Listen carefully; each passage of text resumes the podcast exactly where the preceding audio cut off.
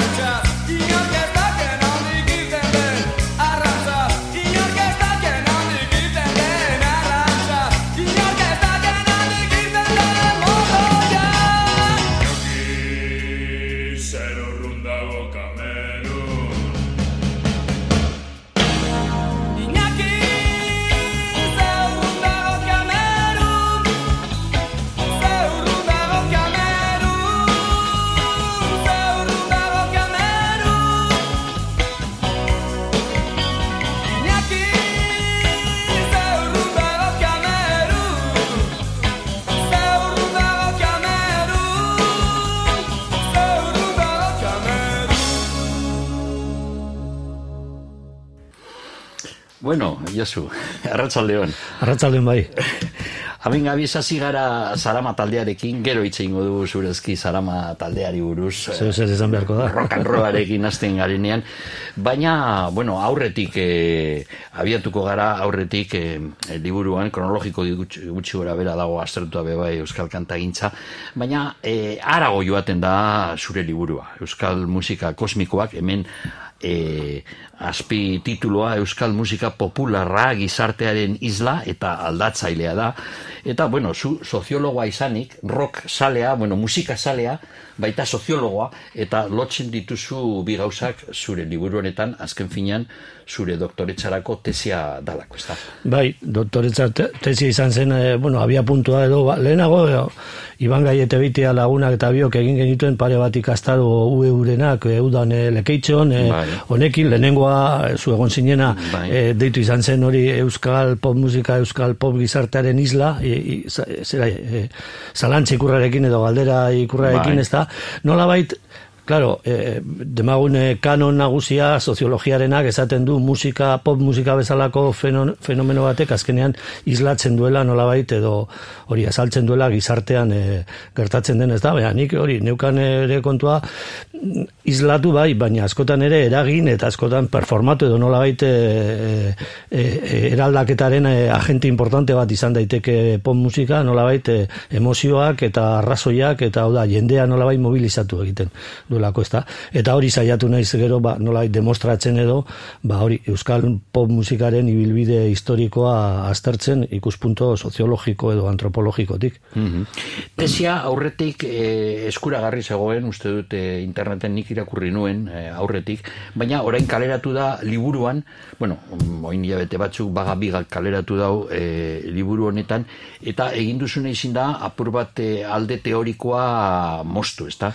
Hori da, alde teorikoa historikoa atzekaldean ipniko dugu bonustrak moduan eta ala ere zati batzuk e, zuzenean kendu, ezta? Mhm. Eta gero kendu ditugu nola e, ohar guztiak, e, testu azpiko ohar guztiak, no, bai. tesi batean azaldu behar duzu nondik datorren esaten bai. duzun guztia eta bar, hori lehenengo momentotik egin nuen alako antolatze egitura arraru bat egin nuen e, tesian, nola nire asmoa zelako testo nagusia nola bait, balio izatea, kontakizun moduan e, irakurria izate izateko, ez da, baten batek gero, ba, nola bai kritikatu dit hori, ba, oharrak eta kendu izana testu asko aipatzen direla, aipuak daudela, baina gero ez dagoela jakiterik e, e, nondi datorren. Hala ere, testo originala tesia badago interneten. Bai, eta orduan bai. ba bueno hor dago eta liburuan guk nolain nahi genuena zen e, liburu irakure erreza edo bueno bentsat bai. Eh, nolai flujua eduki dezala ezta?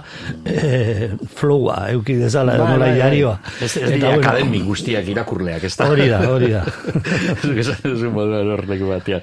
Bueno eta zu e, jakina soziologa izan baino harinago edo tesi hau e, idazteko pentsatzen baino harinago e, musika salea izan zinen, imaginatzen dut e, gaztea zinenean. Bai, bai, musika salea izan naz beti, eta beti egon oso saletuta gainera euskal musikarekin, eta segitu dut asko. Bueno, ba, nola baite nire uste zadin kontua da, bai, ez da, gu nerabea ginenean eta gaztea ginenean musika oso importante izan zen, asko definitzen e, zituen gure identidadeak, eta eraikitzen ari ginen e, zera identidadeak, eta bueno, gainera nire herrian zodupen ba, agian suerte izan genuen, baina ni nerabi nintzela, goratzen naiz e, ikusi izana, bueno, ba, urko egon zen, bai. errobi egon zen e, e, ondino hori, ba, roka oso gauza arrarua zanean, ito izpillo bat bider, e, benito lartxundi, oskorri ere inguruan, bueno, Mm, nola baite e, garai horretan egon zen afizinoa eta ni nahiko hurbil ibili nintzen giro horretatik, ezta? Mm Eta orduan ba bueno, guzti horrengatik gero tesi bat egin behar duzunean, e, bueno, ni azken momentuan korrikan e, egin behar izan nuen e, doktore tesia eta pentsatu nuen, bueno, bagai hau kontrolatzen dudana eta gustoko dudana honen inguruan egingo du. Gero batzutan damutu egiten zara eta pentsatu duzu, agian urrunagotik e, bizi izan dudan gai bat aukeratu banu, hobeto izango litzateke tesia egiteko, ba bueno, azkenean emaitza ondo gelditu da, jendea badirudi gustora gelditu dela irakurtzean, eta oseak postekoa. Musika saleen partetik, eta ni barru dezo, eskertzen dizu hau idaztea, zure tesi hau izitea, ze liburua lehen komentatu dizut, nire ustez oso ona da, ez bakarrik eh, alde soziologikoa, bezik eta bebai e, Euskal Kantagintzaren historia moduan, oso ona da, badaoz eh, ez asko, baina badaoz beste liburu batzut, pako aristirena, baina bueno, mosten da e, garai baten, eta gero badauz e, Elena Espinosarena, egindakoak, Bilboko rokanrolari buruz, baina hori zabalagoa da, egin zauena beste mutilor. Badauz e, testu batzuk, ez hainbeste, e, hor daukasuna, bebai, hau da, amezagarena, ez da?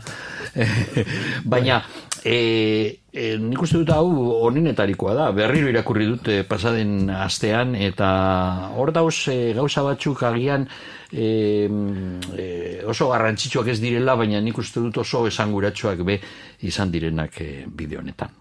Bueno, agian hasi algara kronologikoki be, pitxin bat, eta zu komentatu alduzu, be bai, e, alde soziologikoa, gizarte e, zera kontuak eta musika kontuak Euskal Kantagintzan e, eta bueno, aurretik entzungo dugu kantotxu bat, gero Alan Lomasi buruz itzingo dugu, zer unengoko atalan, atalean liburuan hortik agertzen da, guk e, soinu gela honetan e, askotan izan dugu Alan Lomasek e, Euskal Herrian egindako grabazioak, e, agertu zirenean Beltranekin egin gentun luze solasaldia bebai honetaz eta bueno, askotan aukeratzen dut ke, kantu hau, orain entzungo duguna orain lau bostazte entzun gendun beste kontu batengatik ze kantu hau irutruku grabatu zuelako. Ez da berzino bera, irutrukurena uste dut e, olaetakoa zan, arabakoa, eta hause zeanikoa da, baina mm. antzekoak dire, bakizu, balada tradizionalak agertzen dire, e, itzak pitxin bat aldatuta, baina balada bera da. Eta hause da, e, bartarratxian ezkon gain nintzan, e, sotero erauskinek grabatu zauena, e, zera, lomase, e, lan lomase gonzanian e, Euskal Herrian ustut, e, mila eta berroita amabian izin zan hori. Hau da kantue. Bartarrazian eskongai nintzan, ordu batian zen hartu, urdu bizantu goxekoetan gelditu nintzan alargon. Urdu bizantu goxekoetan gelditu nintzan alargon. Nik hartu neban sentimentua, nik hartu neban lotzia, Urdu beteko zen arragaiti alargun gelditu zia. Jaun zerukuak emango baluz, zeru altuko giltzia, baita ere bejakin guneunke zein irigia tia.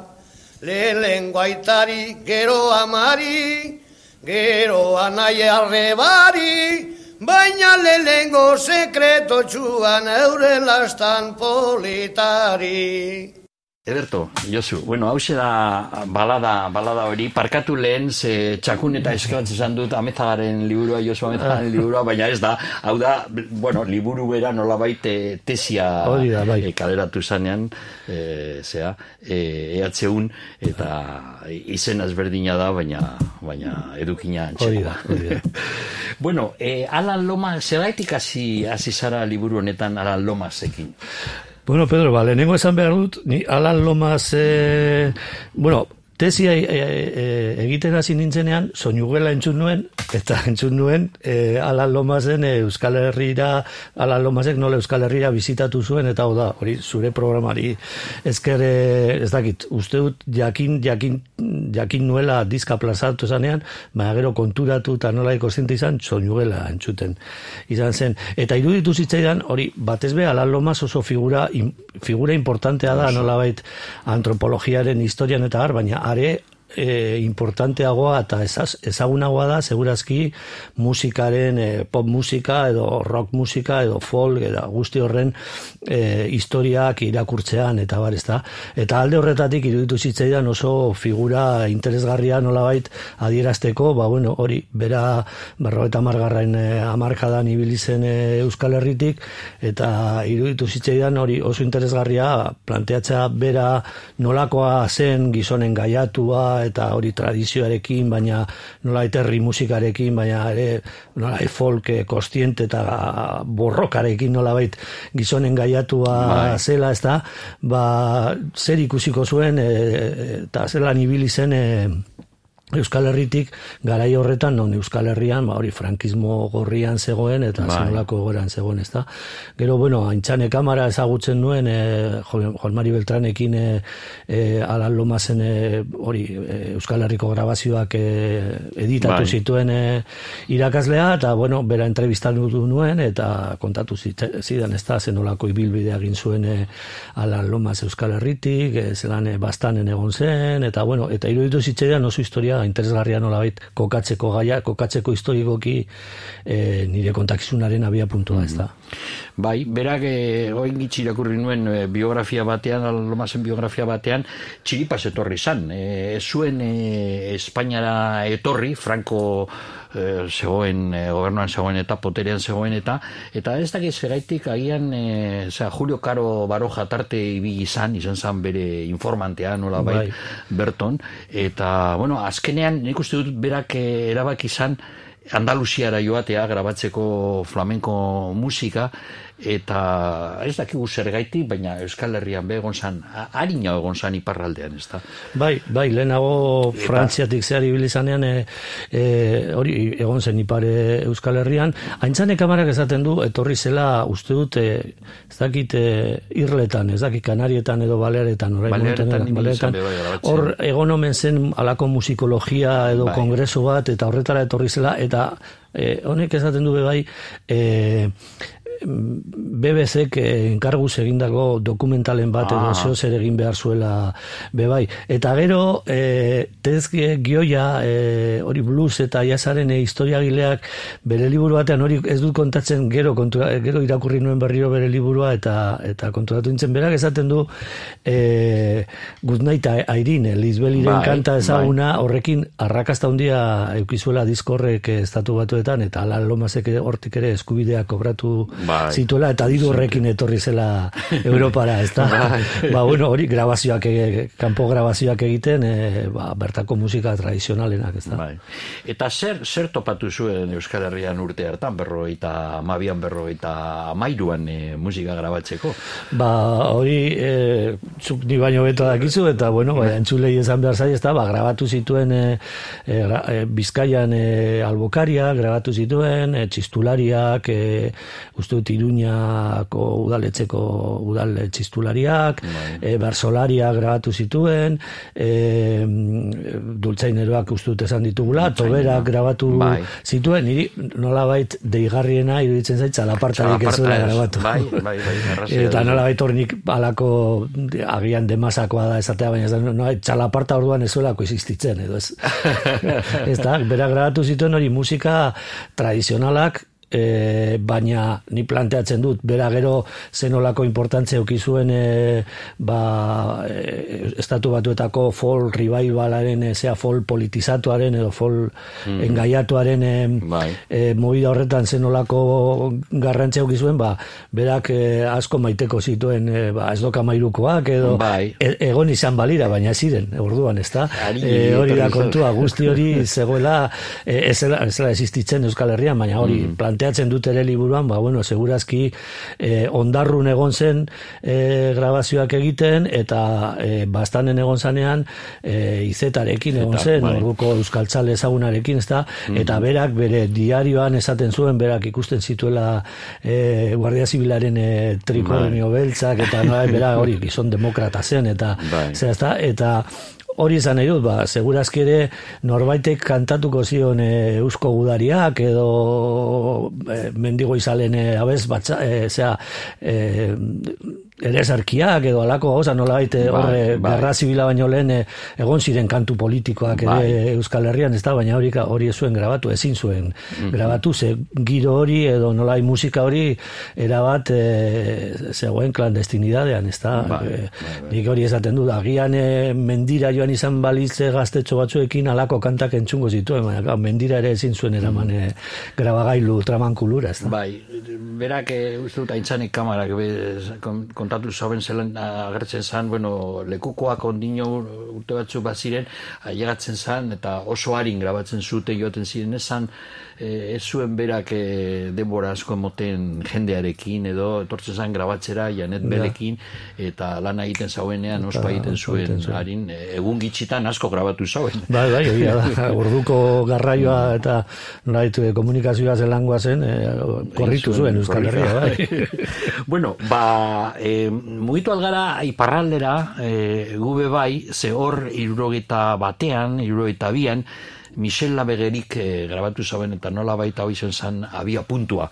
Euskal Hori da. kantagintza modernoaren abia puntua, Labegeri e, alkatea zan, uste dut, e, ez naz gogoratzen herrie, kanbo, nahien, e, baita diputatua, Frantziako bai. asambladan, sozialisten e, parte, uste dut, sozialista zan, eta berak e, grabatu egin zuen hiru EP uste dut kaleratu ziren, eta kanturik eta gehien entzundana gazteri berria da, hause da entzumo duguna.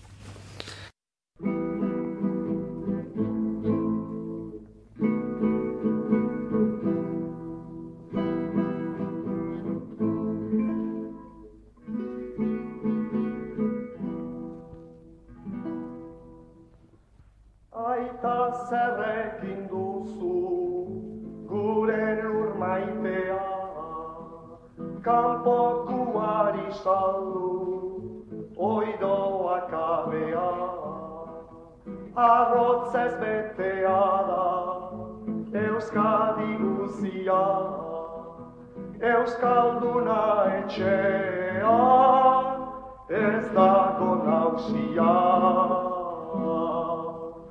Gira Euskadiko gazteri berria Euskadi bakarra da gure aberria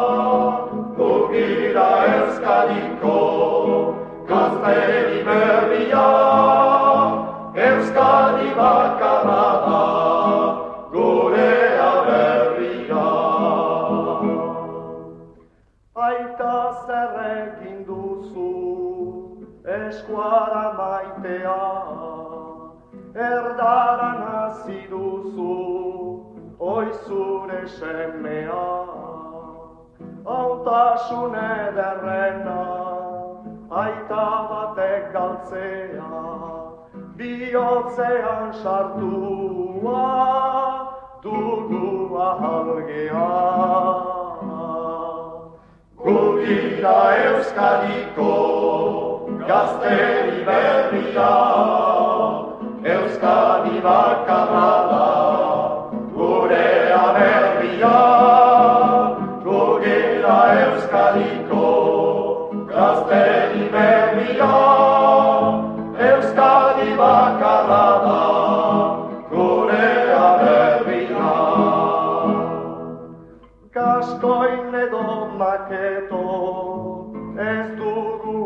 etxaia Baina eskual semea da gure anaia.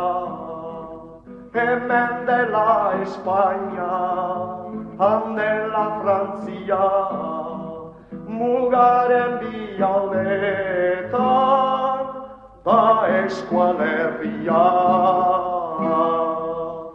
Gugira Euskadiko gazteri berria Euskadi bakarra da gure aberria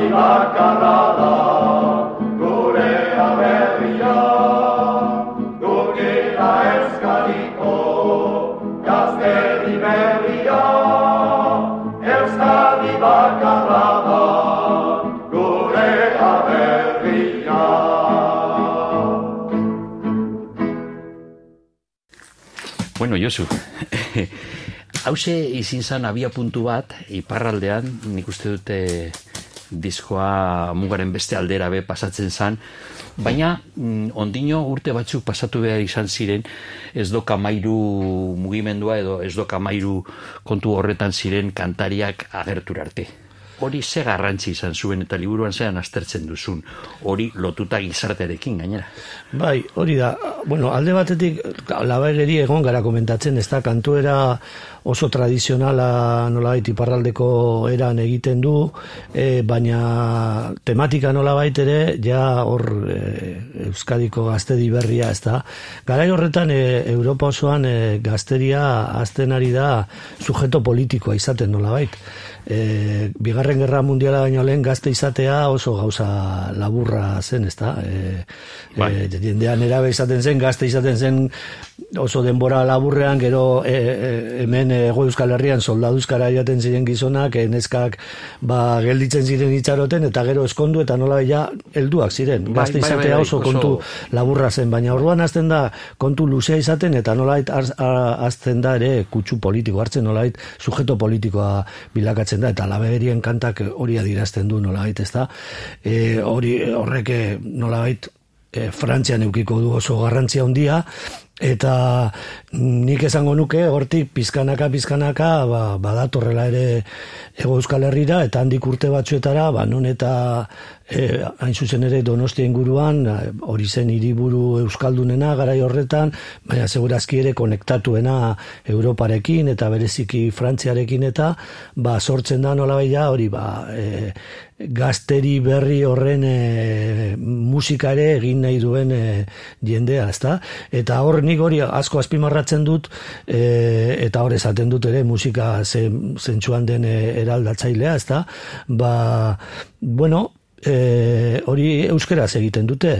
Hartzen dute nolabait e, iaia ezabatua eta batez ere oso zaharkitua zegoen kultura bat, kultura erabat tradizionala eta erabat rurala, baina irian sortzen den fenomeno politiko eta sozial berri bat, gazteria eta bar, ba hoiek azten dira nolabait euskera erabiltzen musika oso oso abanguardista egiteko hori nolait ez doka mairurekin ematen da, hemen Bilbon oskorrirekin, ez eta oskorriko egero grabatu, beranduago grabatu zuten, bueno, egon ziren beste batzuk ez da. Bai. Ba, fenomen hori nolait, bada, e, fenomeno bat e, mundu osoan ematen dena, kontrakultura deitzen duguna, eta hemen hori abanguardiazkoa den e, mugimendu soziokultural hori euskeraz egiten da nagusiki, eta hori da nolabait e, sorpresiboa edo edo erabat berria eta eraldatzailea sortatzen dena, ezta? Eta bueno, hori da e, nola labageri da horren abia puntua,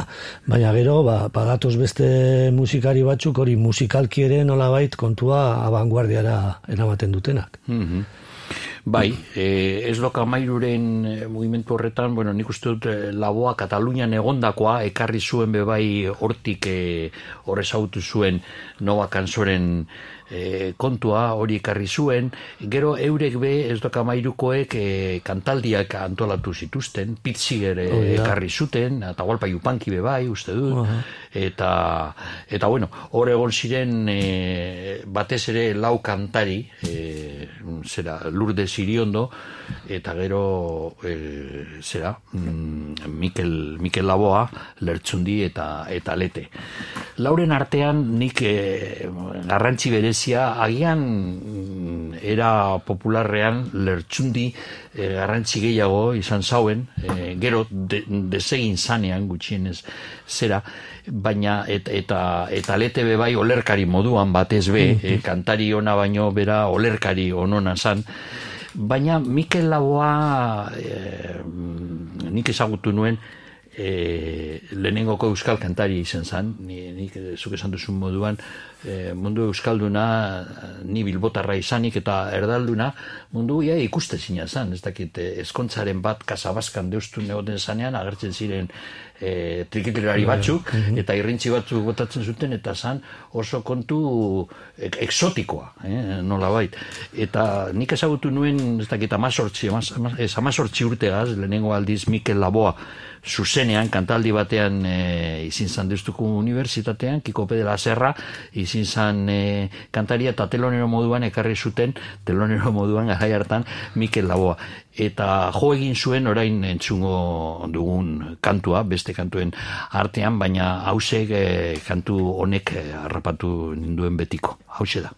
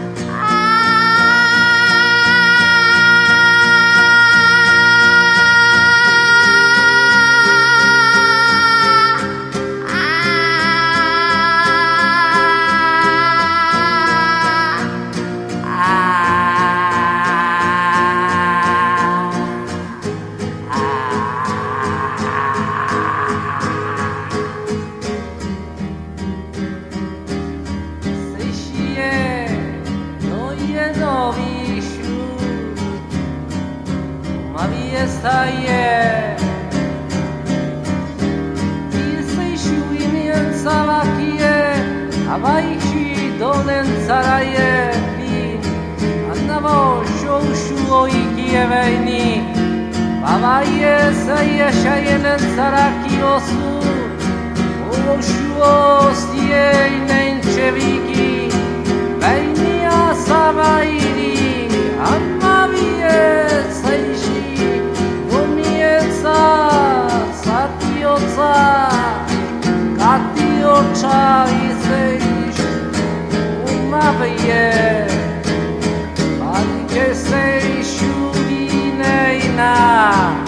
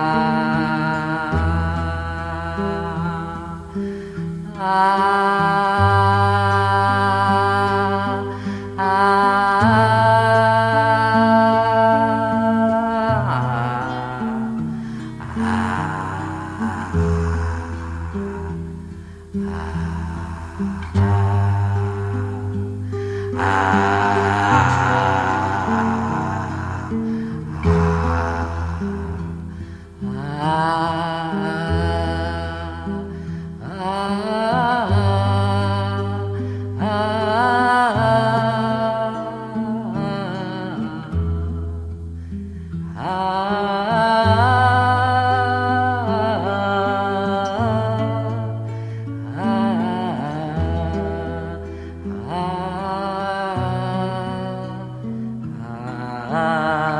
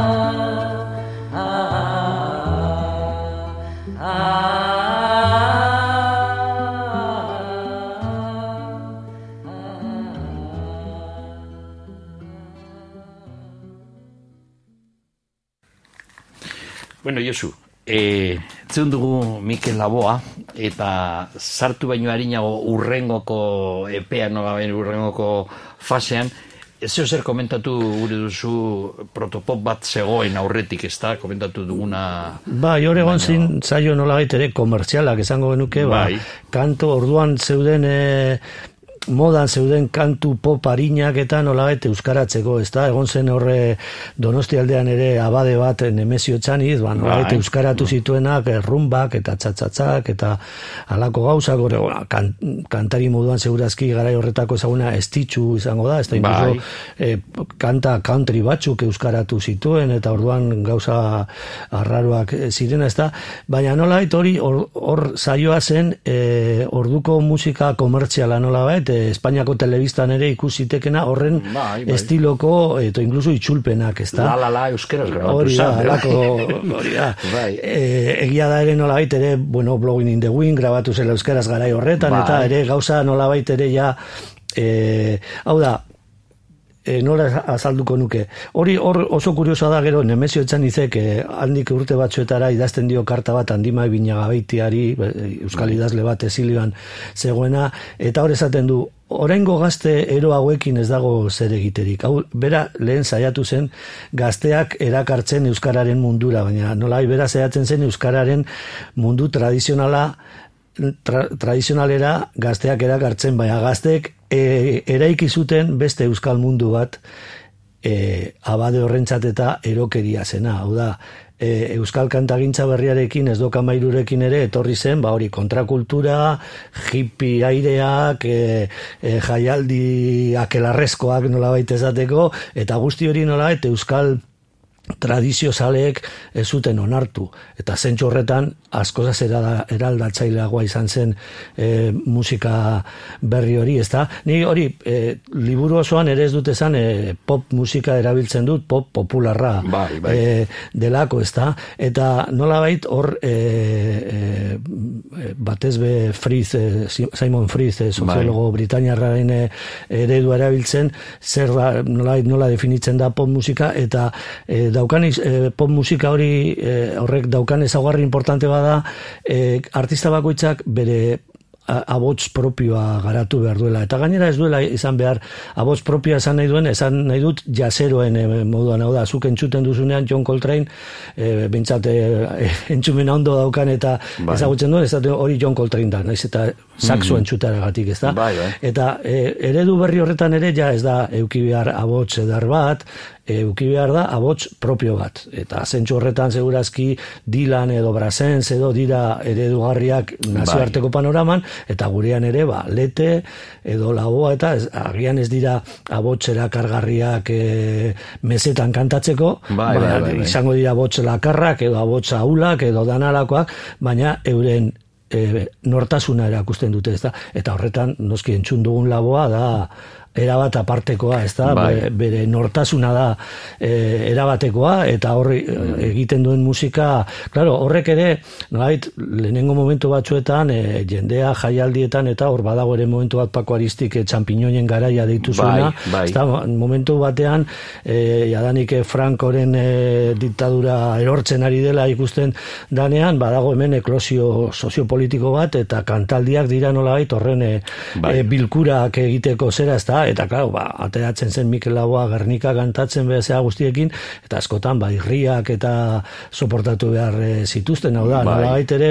bere publikoa erakarri egin zuten eta eraman zuten e, publiko horrek ezagutzen ez zuen leku berri batetara. Zentsu horretan izan zen e, musika molde hau izan zen erabat eraldatzailea eta irul, iraultzailea nola baitere. Ez da? Bai, e- eta zuk aipatu duzun garai honetan, e, zera, e, irurogeita amala amabos, amaseian, so, kantaldi pilo bat dauz, eta kantari beste belaunaldi bat sortzen da, hor kokatu aldugu urko, edo mendibil eta seberri, e, txomin artola, gero sortzen dire izukaitz, e, eurek bebai Inglaterrako folkarekin e, lotura daukatela, Ruper bera, bere Bai. lehenengoko diskoa pitxin bat beranduago, baina hor dago beste beraldari berri bat, ondino rock baino harinagokoa. Hori da, baina eurek azten dira nola ja elektrifikatzen bere soinua, oso esanguratsua da e, estetikoki ere aizearen e, lehenengo diskaren portada, ez da nola Bai. baitortik e, lurretik sortzen den gitarra bat gero bil- bilakatzen da e, zera ari elektrikoak eta bueno, hor badago nola hori munduko abanguardiarekin konektatzeko e, nahi bat eta gogo bat eta hor bapatean sortzen dira oso elemento interesgarriak ez da horre Bilbo eta Donosti artean nolaiz eta eta miarritzera nio joaten den e, Euskal Kostalde horretan sortzen dira momentu horretan e, berrikuntza gehienak ez da hasi Bilbon Bai, bai, bai. Oskorri eta ba, Eibarren e, Izukaitz, e, Koska ere horre e, Elgoibar edo Bai. hortik, e, bueno, gero Donosti aldean eta Errobi eta ere iparraldean ez da hor bapatean agertzen da nolabait lehenengo detonantea ez do kamiruta dela, baina hor agertzen da sekulako aberastasune musikala, estetikoa eta soziopolitikoa be bai nolabait. Bai. Bueno, ba, ent, entzungo dugu orain kantotxu bat e, izukaitze zea, otsoa dantzan e, e, diskoan zegoen hariniketan harin izenekoa.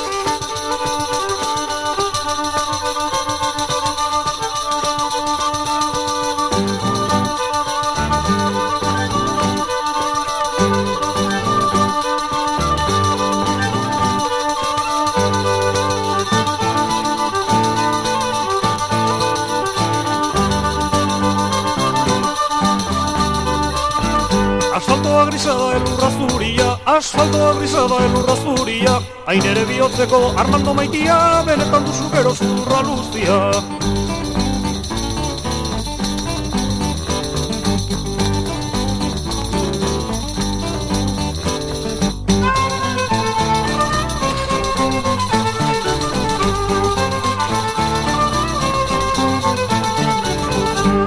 Hariniketan harinarin kantatuko, hariniketan harinarin kantatuko, harima animatzen harin ibiliko, harin harin erikan harinenetariko. Eskontzeko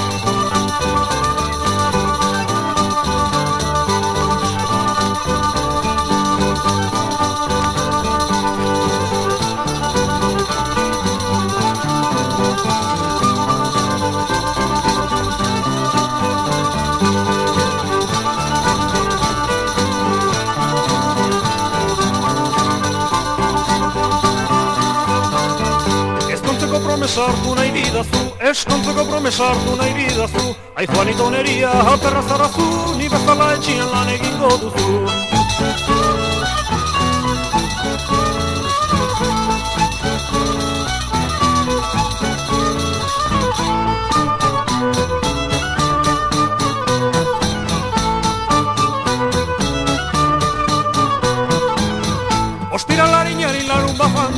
Ως τυραλαριγιάνι λαρού μπαχάν ταγκό Ήγαν τε βοηθέ τίγαν πάρω κόμμα ταγκό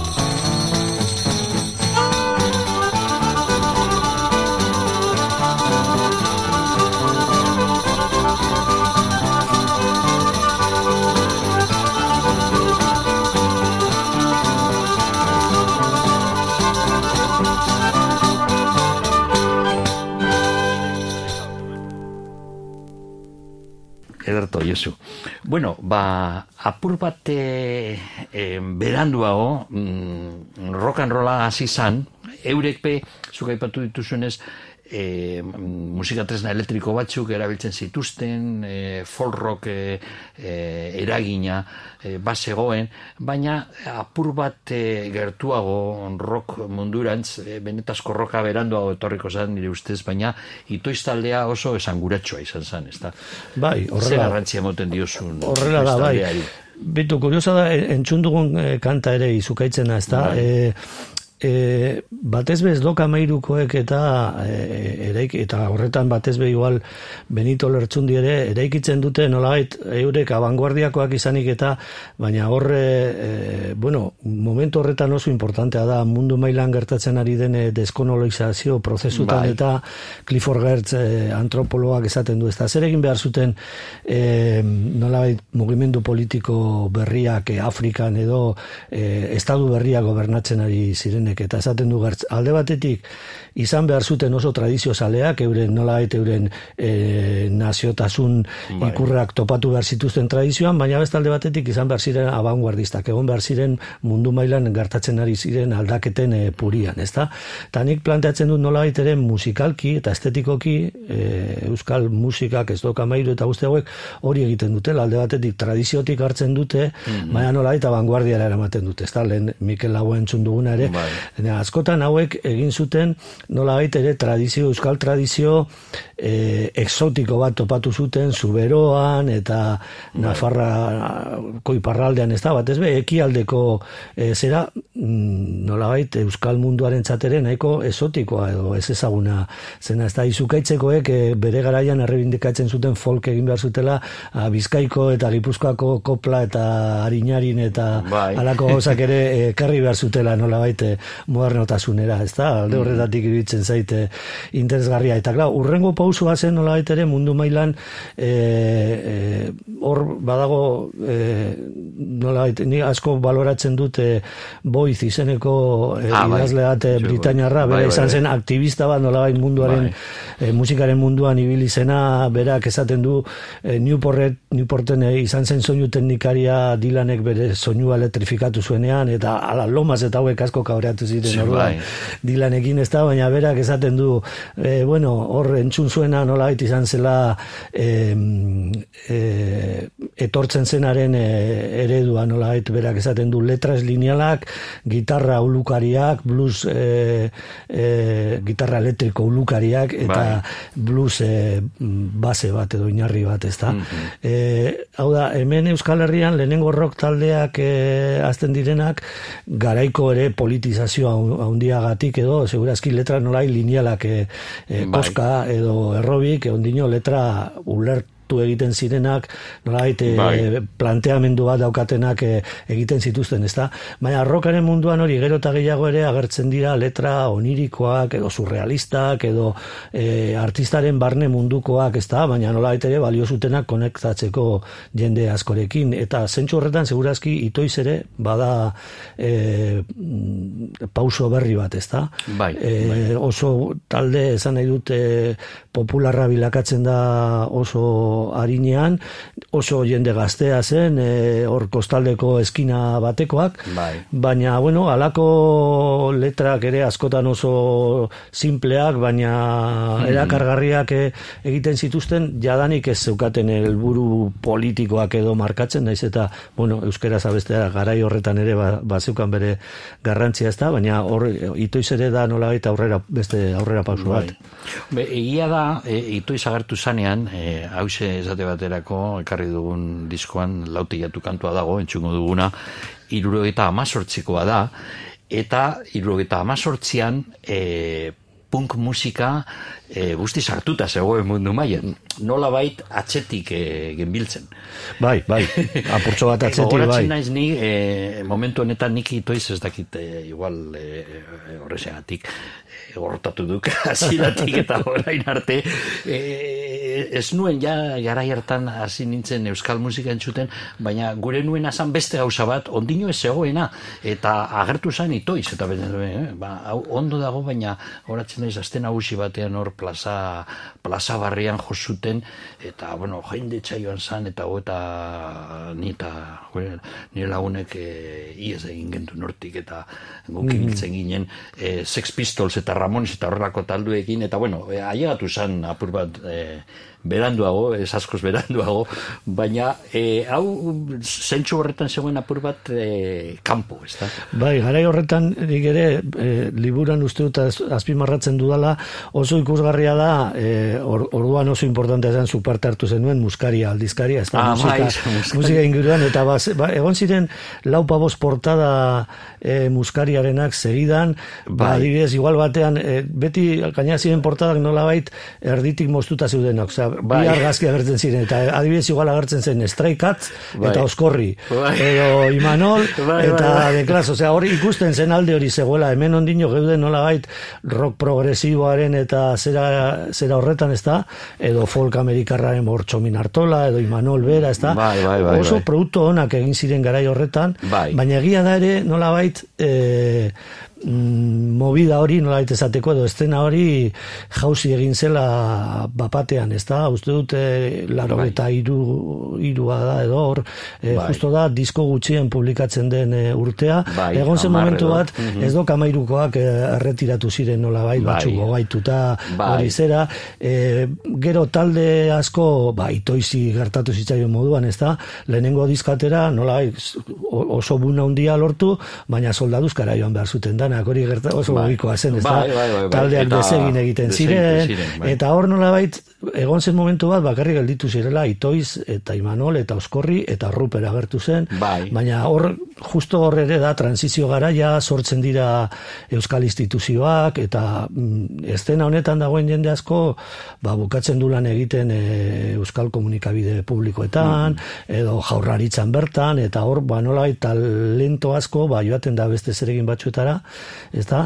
Eta nolabait, bueno, ba, hori izan zen, nire gustatzen zait garai hori e, gogoratzea, momentu honetan geldituelako oso oso ahaztuta, ez da, Bai. E, euskal musikaren e, konsumitzaileek askotan oso gutxi ezagutzen dute garai horretan egin ziren gauza importante batzuk, nitza adibidez belar ostoak, txomina Bai, disko eta, bar, eta eta bestalde batetik ba, nik esaten du nola baita horre Euskal Herriak eukizuela momentu hippie bat, ez da? Egon zen Bai. momentu bat, amnistia lortu zen, e, ba hori, ba, ikurriña legeztatu zen, e, autonomia estatua eta mejuramendua sortu ziren, Bai. eta egon zen momentu bat, non ematen zuen, e, hori, ba, e, egon zen uda bat edo maitasunaren uda, ez da, ditu Bai, bai, bai, bai. dezakeguna, baina oso gutxi daun zuen e, gaia, gero gauza barriro okertu ziren alde politikoan, alde ekonomikoan krisia Bai, etorri bai. zen, eta hain, segurazki nolabait, e, bueno, ba, tamalgarriak izan ziren gertara soziopolitiko eta ekonomiko hoiengatik, ba, punka etorri zen, eta etorri Bai, zen bai. e, gelditzeko. Arrazoia duzu. Aipa, muskaria aipatu duzu, eta, bueno, ni mu- muskarian egon nintzen ira aziratik, lehenengoko alean ez, lehenengoko ale, praktikoki e, aitora mesaga eta eta eta Roge Olasko egin zuten, izen ezberdinekin, baina bion artean egin zuten, ia ale osoa, bigarrenean sartu nintzen ni, eta Roberto Mosso, nuk uste dut igual Pablo Cabeza, be bai, beste batzu, baina zuk esan duzuna, zelan e, azalean agertzen zan, goian tipo bat beti bizardune, eta beko partean rokeruet, eta e, ni gogoratzen naiz, e, hilero egiten gendun bileratxo bat, normalean parkean egiten gendun, eno, edo kampusean, eta ze eztabaidak ziren, karo, hor ziren bi, bi banduak, bai, ka, hor da, ze, argazki batean, portada guztian lehenengoko, lehenengoko alea izin oso neutroa, e, e, baina gero bigarrenarekin hasite, e, bai, Bai, hemen agertzen dira hori estraikaz, eta Bai. itoiz, baina itoiz ondino bai, bizardunak, eta nola oso e, folkiak, ez da, eta alako, bueno, hori. Eztabaidak terribleak ziren, jo horatzen naiz, e, orain nik uste dut, bueno, aspaldi da nik e, e, EHUko irakaslea dana edortarana, edortarana zegoen muskaian, berazan bizardun bet, nola bai, defenditzen ez do kamairuren e, erentzi hori, eta beste aldetik, e, beste gazte batzuk zu eh, gure genduna esan beste gauza bat, baina ondino eh, Euskal Eskenan ez zegoen hori. Ez zegoen hori. Itoiz, itoiz bat zegoen, eta bueno, agian itoiz eh, eh, kantu bat entzungo dugu. Kantu hau eh, bihurtu da e, kantu egilea edo taldearen baino handiagoa, hori segurazki kantari batentzat da e, e, gehiena, ez da? Ze jendeak Euskal Herrian kantua ezagutzen dau, baina Perez bera igual inok ez dago ezagutzen gaur egun, bueno, gure edadeko jendeak bai, baina gazteok ez dute ezagutzen, ez itoiz taldea, ez e, Perez Norzen, baina kantua guztiek ezagutzen dute, hau da benetazko kantu pop bat. Hori da.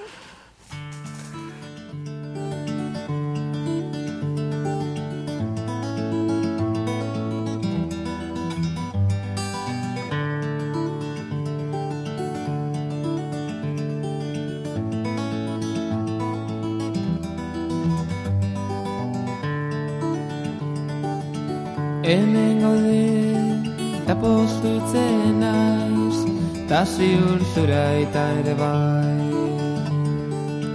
Ta zer ondo, zelan dihua, zure bufanda txuria. Laute jatu gainian, ilargia erdian, eta zu gorutz beira. Zure keia eskuetan Putzara batekin Nere ana etorriko da Ta berriz izango gara. Zoriontzu Edo zein herriko haixetan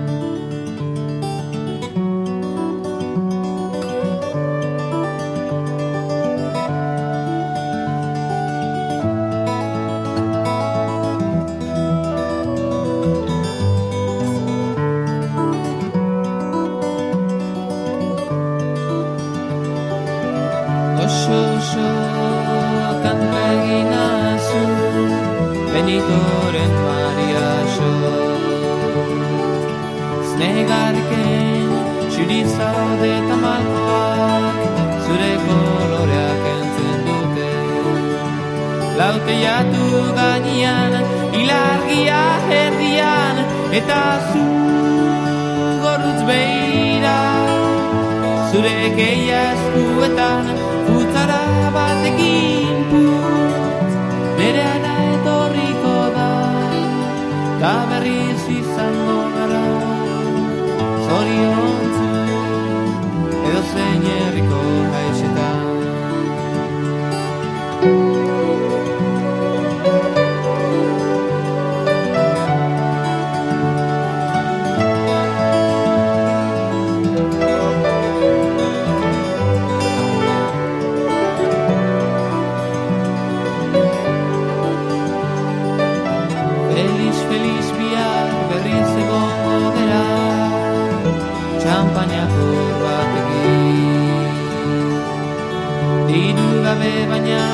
nizarrak gurekin daude Piano baten soinuan.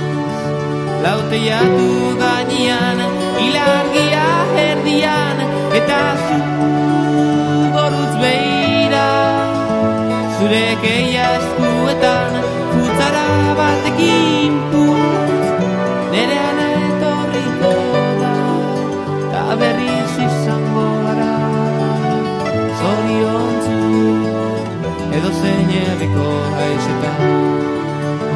Laute jatu gainean Ilargia erdian Eta zu gorutz beira Zure keia eskuetan Putzara batekin putz Nere ana etorriko da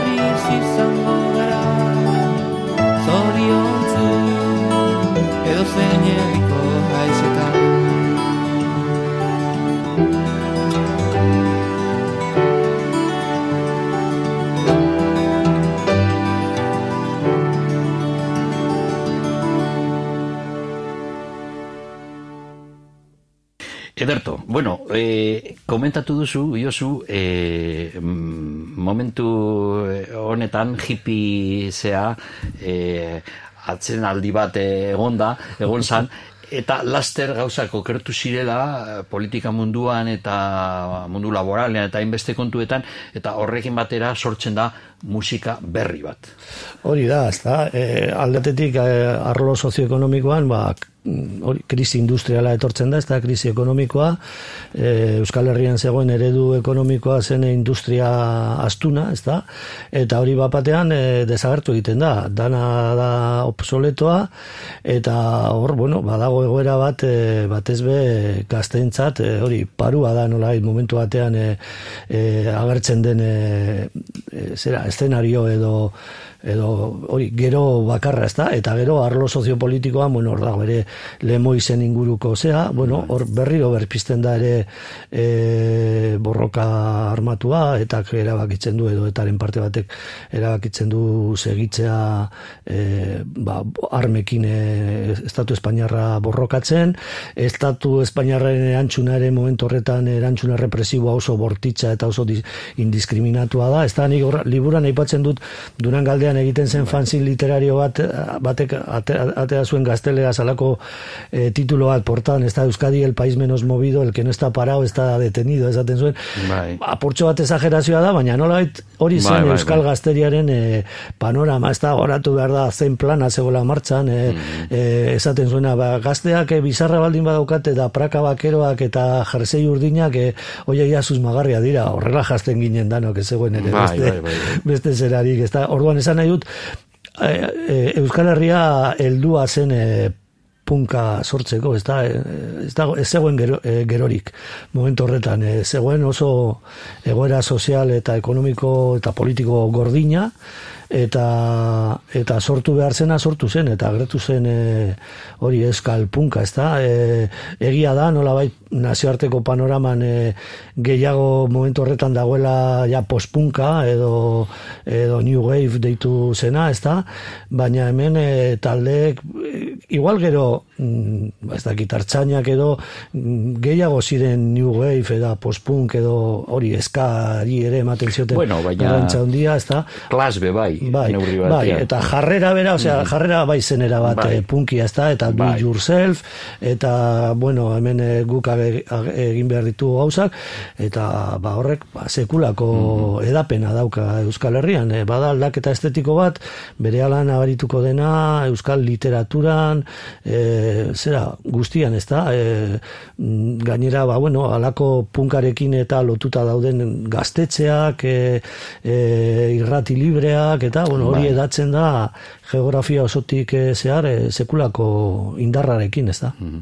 Bai, bai, punkarra hauak igual baziren momentu horretan erdal talde batzuk. Esate baterako eskorbuto, santurtzin sortu zan taldea, baita, bueno, ezberdina zan, baina Nacional 634 izenekoak Bai, zagoen bai. barruan, kantatzen zuten zuen liburuan aipatzen duzun kantu hori, eh, Lemoiz Gomador, Lemoiz Goma tres, esaten Osea, zuten. gabon kanta bateaz, egindako doinu horrekin, e, egon ziren, eta bueno, rip taldea, e, zera, Mondragonen e, sortu, sortu zaren taldea oso garrantzitsua izan zen, oso garrantzin izan zuen, eta Euskal Gazteen artean, ere bai, e, naiz eta erdal taldeak izan, gehien bat, e, ripek e, inoiz grabatu, eure grabatu zuten telesforo monzon den lepoan hartu kantua, e, eurek ziren e, benetazko punk taldeak, rip, eskorbuto eta barrekoak. Baina, bueno, eurekin batera sortu sortu ziren beste batzuk zuk aipatu duzuna ertzainak, sarama, bebai,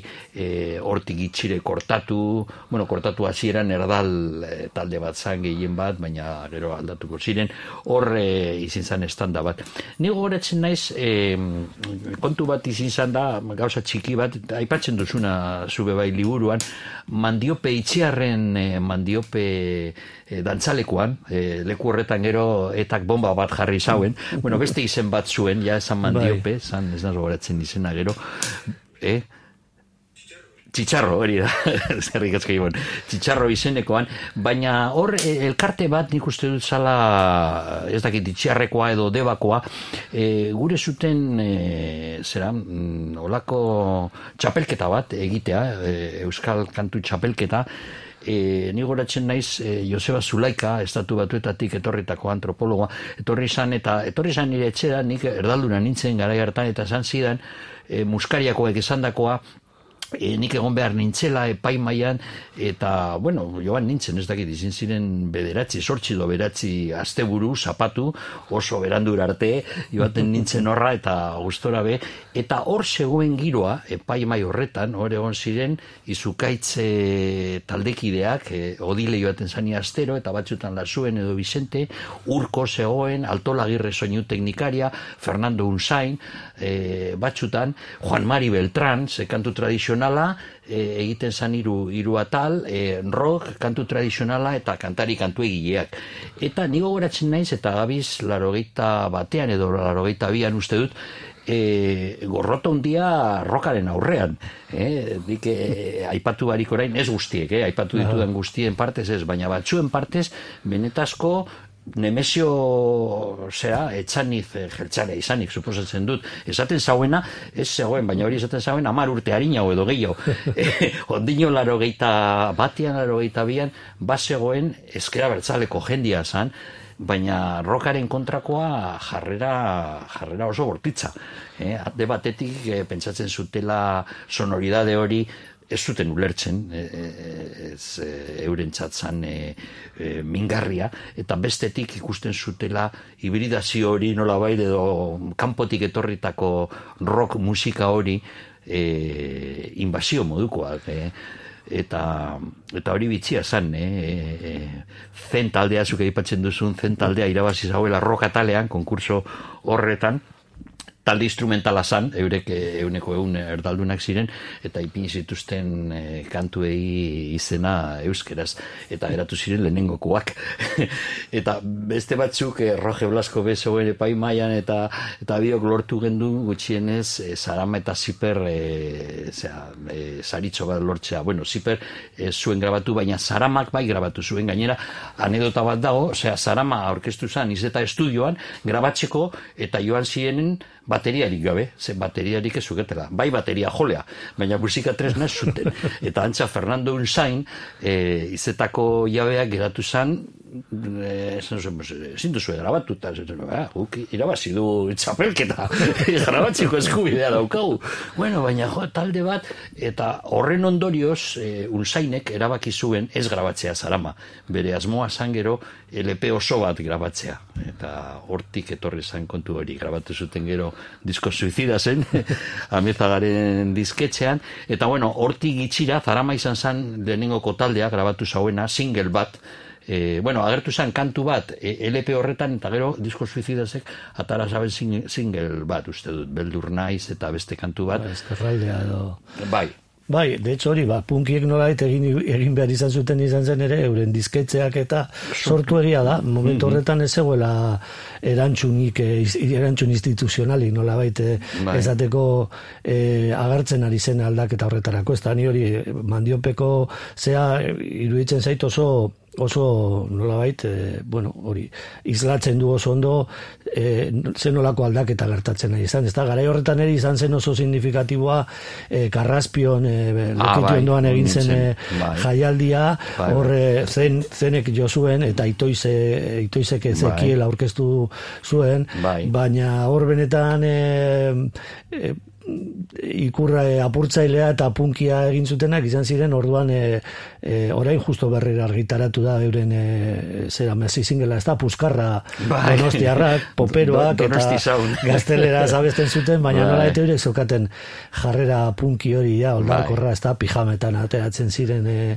abesten eta hor nik esango nuke orokorrean e, punk jarrera eta punk estetika eta etorri zela e, zela etorri, bueno, egia da Xavier Montoya Londres egon zela eta bai. hortik etorri zen hartzainak montatzera, ezta? Bai. Baina neurri handi batetan Madrid bitartez bai, etorri zen bai, ere bai. ona soinu hori, baina hori Madrilen ala nola movida sortu zen, lehenengo momentu punk bat eukizuen, baina gero bilakatu zen batez be e, ospatzeko e, egoera berria ospatzeko bai.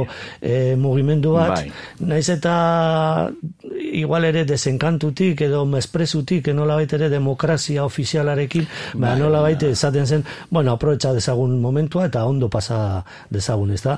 Eta hemen Euskal Herrian berriro, ba, resistenzia estetika bat Bai. eh, zabaldu zen, ez da? Garai horretan, niri ere oso esan guratzu ditzen zait, eh, ere egon zen oso disko niretzako importantea, sintonia independiente, hemen batez be, Bilboko Bai, taldeak, bai, bai. talde erdaldunak grabatua, Médanos eh, eta- hori, a- apurtxo bat, nolai Madrileko eredua segitzen zuten Bai, talde, bai, ez da, bai, baina bai, hori bai. nik hor aipatzen dut beti, uste dut medan ozela eh, kanta bat egiten dute eh, neska batek abesten du, eta esaten du, hoy entro a currar en la farmacia de mi papá. Bai, bai, eta bai, bai, bai. ondo pasatuko duan, nire lagunek hemen eukiko dute nahi dutena, eta ni dirua irabaziko du. Baina, Era bat, irreala zen, osea, hemen Bai, bai, bai, eh, bai. Esan, eh, eh, papa farmazeutikorik eh, Bai, bai. zeukan, aita farmazeutikoa zeukan oso jende gutxi zegoen, eta jende gehiena hori langabezia baino zuen. eh, jende gehiena ikusten zuen nola bere aitak lan egiten zuen enpresa izten zela. Osea, ja, ere zeukan esperantzarik nola hor segitzeko lanean, ez da? Osea, hori zen Bai. nola panorama,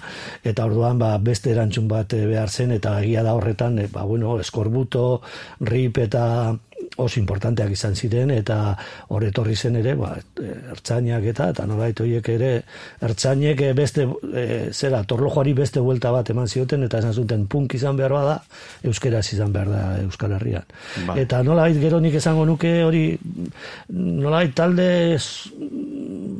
originalenak edo sormena hundienekoak nik esango nuke euskeraz eh, egin zutenen artean egon zirela baina arrakasta eta arrakasta oso handia gazteleaz abesten zutenak euki zuten eta Bai. bueno, la polla edo Bai, barrikada. gero barrikada eta gero Mexikon eta hainbat lekutan eta Bai, ba, bai, bai, kuriosoa da orain azk, azken hilabete hauetan eh, igual liburua dela eta suertatu zaititze egitea Madrileko batzuekin eta eh, kuriosoa da jende gaztea esaten jo guretzako kortatu izan zen eh, gure gazteriaren eh, soinu banda ezta? Osea hemengo talde batzuk ere oso eh, garrantzi handia eduki zuten Madrilen eta baina claro hori hori izan zen erabat underground hori ez ziren atera hori ezen eh, ezen islatzen eh, komunikabidetan baina gertatu gertatu egiten zen. Bai, arrazo, arrazoia duzu. Bai, zuk aipatu dituzunak sintonia diskorretan agertzen ziren batzuk getxo ingurukoak ziren, donosti soundekoak be bai, nik uste dut burgesiaren semeak ziren, eta komo huele taldea, me quieren hacer comer kantua, eta horrelako gauzak eh, errealitatetik eh, nahiko urrun ziren kantuak, eta horrezegatik ez zuten Los Santos taldea, be bai, e, laburra izan zen euren ibilbidea eta arrakastari gabekoa, eta berriz sortu zirenean e, eskorbuto edo la polla rekos, barrikada eta barrekoak ba, arrakasta izan zan itxela eta, eta ez bakarrik Euskal Herrian. Euskalduenen artean be bai, baina ondino Euskal Roka sortzeko zegoen. Bueno, Sarama izan zan lehenengo pausoa, baina hortik itxira etorri izan ertzainak, zuk esan duzuna Montoya etorri izan Londresetik, gero Montoya azkenean esan izan taldean. E, gari, hau esan inaki garitan nendia e, ziper taldean e, mandiopen egondako beste talde bate kantaria sartu zan. Eta bueno, entzungo du kantu bat ertzainaken lehenengoko diskoa. Izan zan oso garrantzitsua nik esango nuke zarama taldearena baino askoz garrantzitsuagoa. Eta, eta bueno, kantu guztiak e, estrainako LP honetan kantu guztiak ziren ezinbestekoak. Nik aukeratu dut bat e, guztiak ipintzen ditugu soinu gelan askotan, baina drogaz aekan kriston kantua zan, bego irakasle bat zan aekan, gazte izen berak egin zituen hitzak, hitzak paregabeak eta Josu berak eh, egin zuen doinu hau da drogak aekan.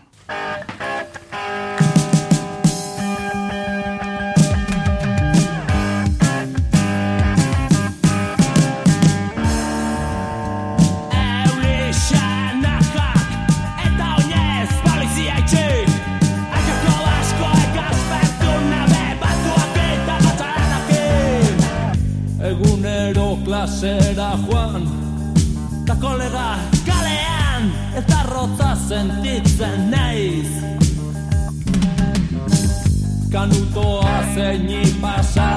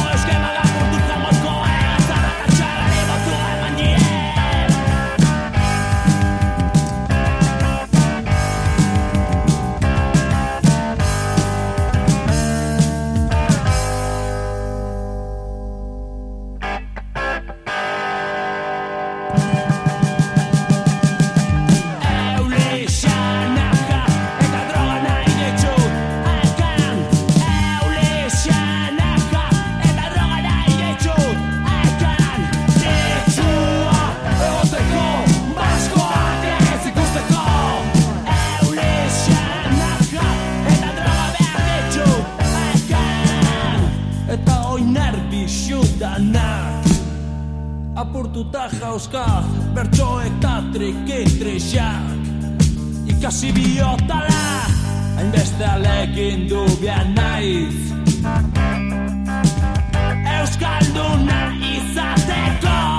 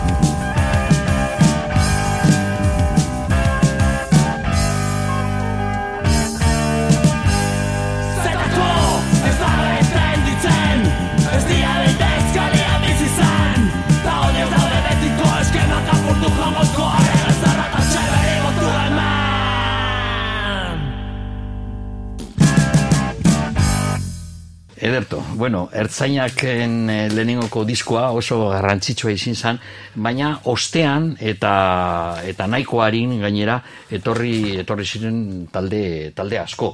Kortatu, baina horren ostean etorri ziren deliriums eta bueno, talde asko, baina beste bide batetik baziren bebai e, beste estilo batean talde batzuk geratu zirela difuminatuak nola baite e, zera, musika saleek ez zuten gure antza momentu hartan gazteek ez zuten gure musika hori baina egon ziren e, jotakie edo berotxoa emeak eta beste talde batzuk lekuz kanpo geratu zirenak ez da Bai, klar, horiek nolabait tiratu zuten abanguardiatik, ez da, horiek ja kokatu ziren, batez BMak nolabait BMak, bai. post-punk e, Bai. estetika horretan eta estilo horietan, eta egia da nolabait gelditu zirela apurtxo bat e, baztertuta. Baina gero bestalde batetik esan behar da, mm, biak alabia, bai jotakie, bai emeak, e, oso eraginkorrak izan dira gerokoan, Bai, emeak bai. desagertuta gero,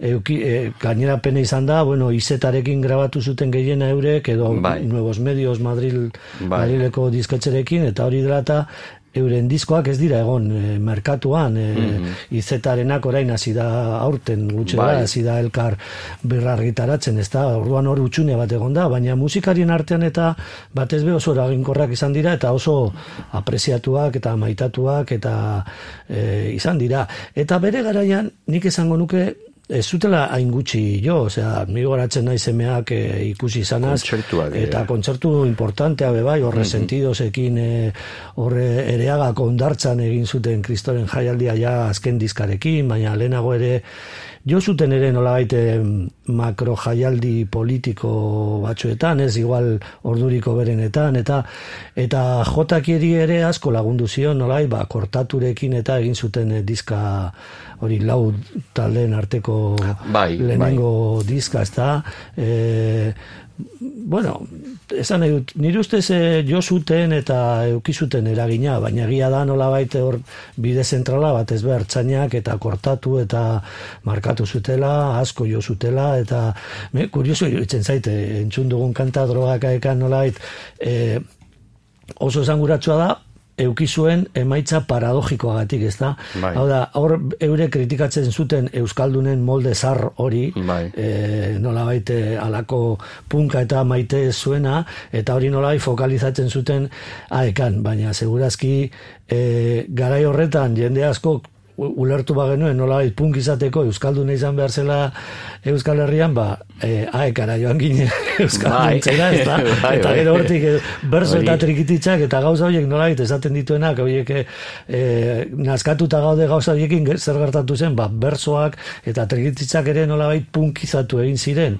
punk galbajetik pasatu ziren, eta bueno, orain justatera du Jon Maiak ere liburu bat eh, bere mm, zera, esperientziari buruz bersolari moduan, ez da, baina bers, hor bapatean agertu ziren eh, bersolari gazte batzuk, eh, estetika era bat eh, punkia zera matzatenak, eta bitu gero bersolaritza nola Ah, bai. kokatu den, ez da, eta trikiak ere eduki zuen bere, bere momentu. Esan nahi dut, alde horretan, eh, bueno, askotan, prozeso kulturalak eta sozialak horrelakoa dira, ez da, eh, paradogikoak, askotan, eh, ez dakit nik ertzainakoek AEK eta AEKaren estetika hori apurtu nahi omen, omen zuten, baina egin izan zutena ere izan zen e, Euskalduna izatearen estetika erabat aldatu.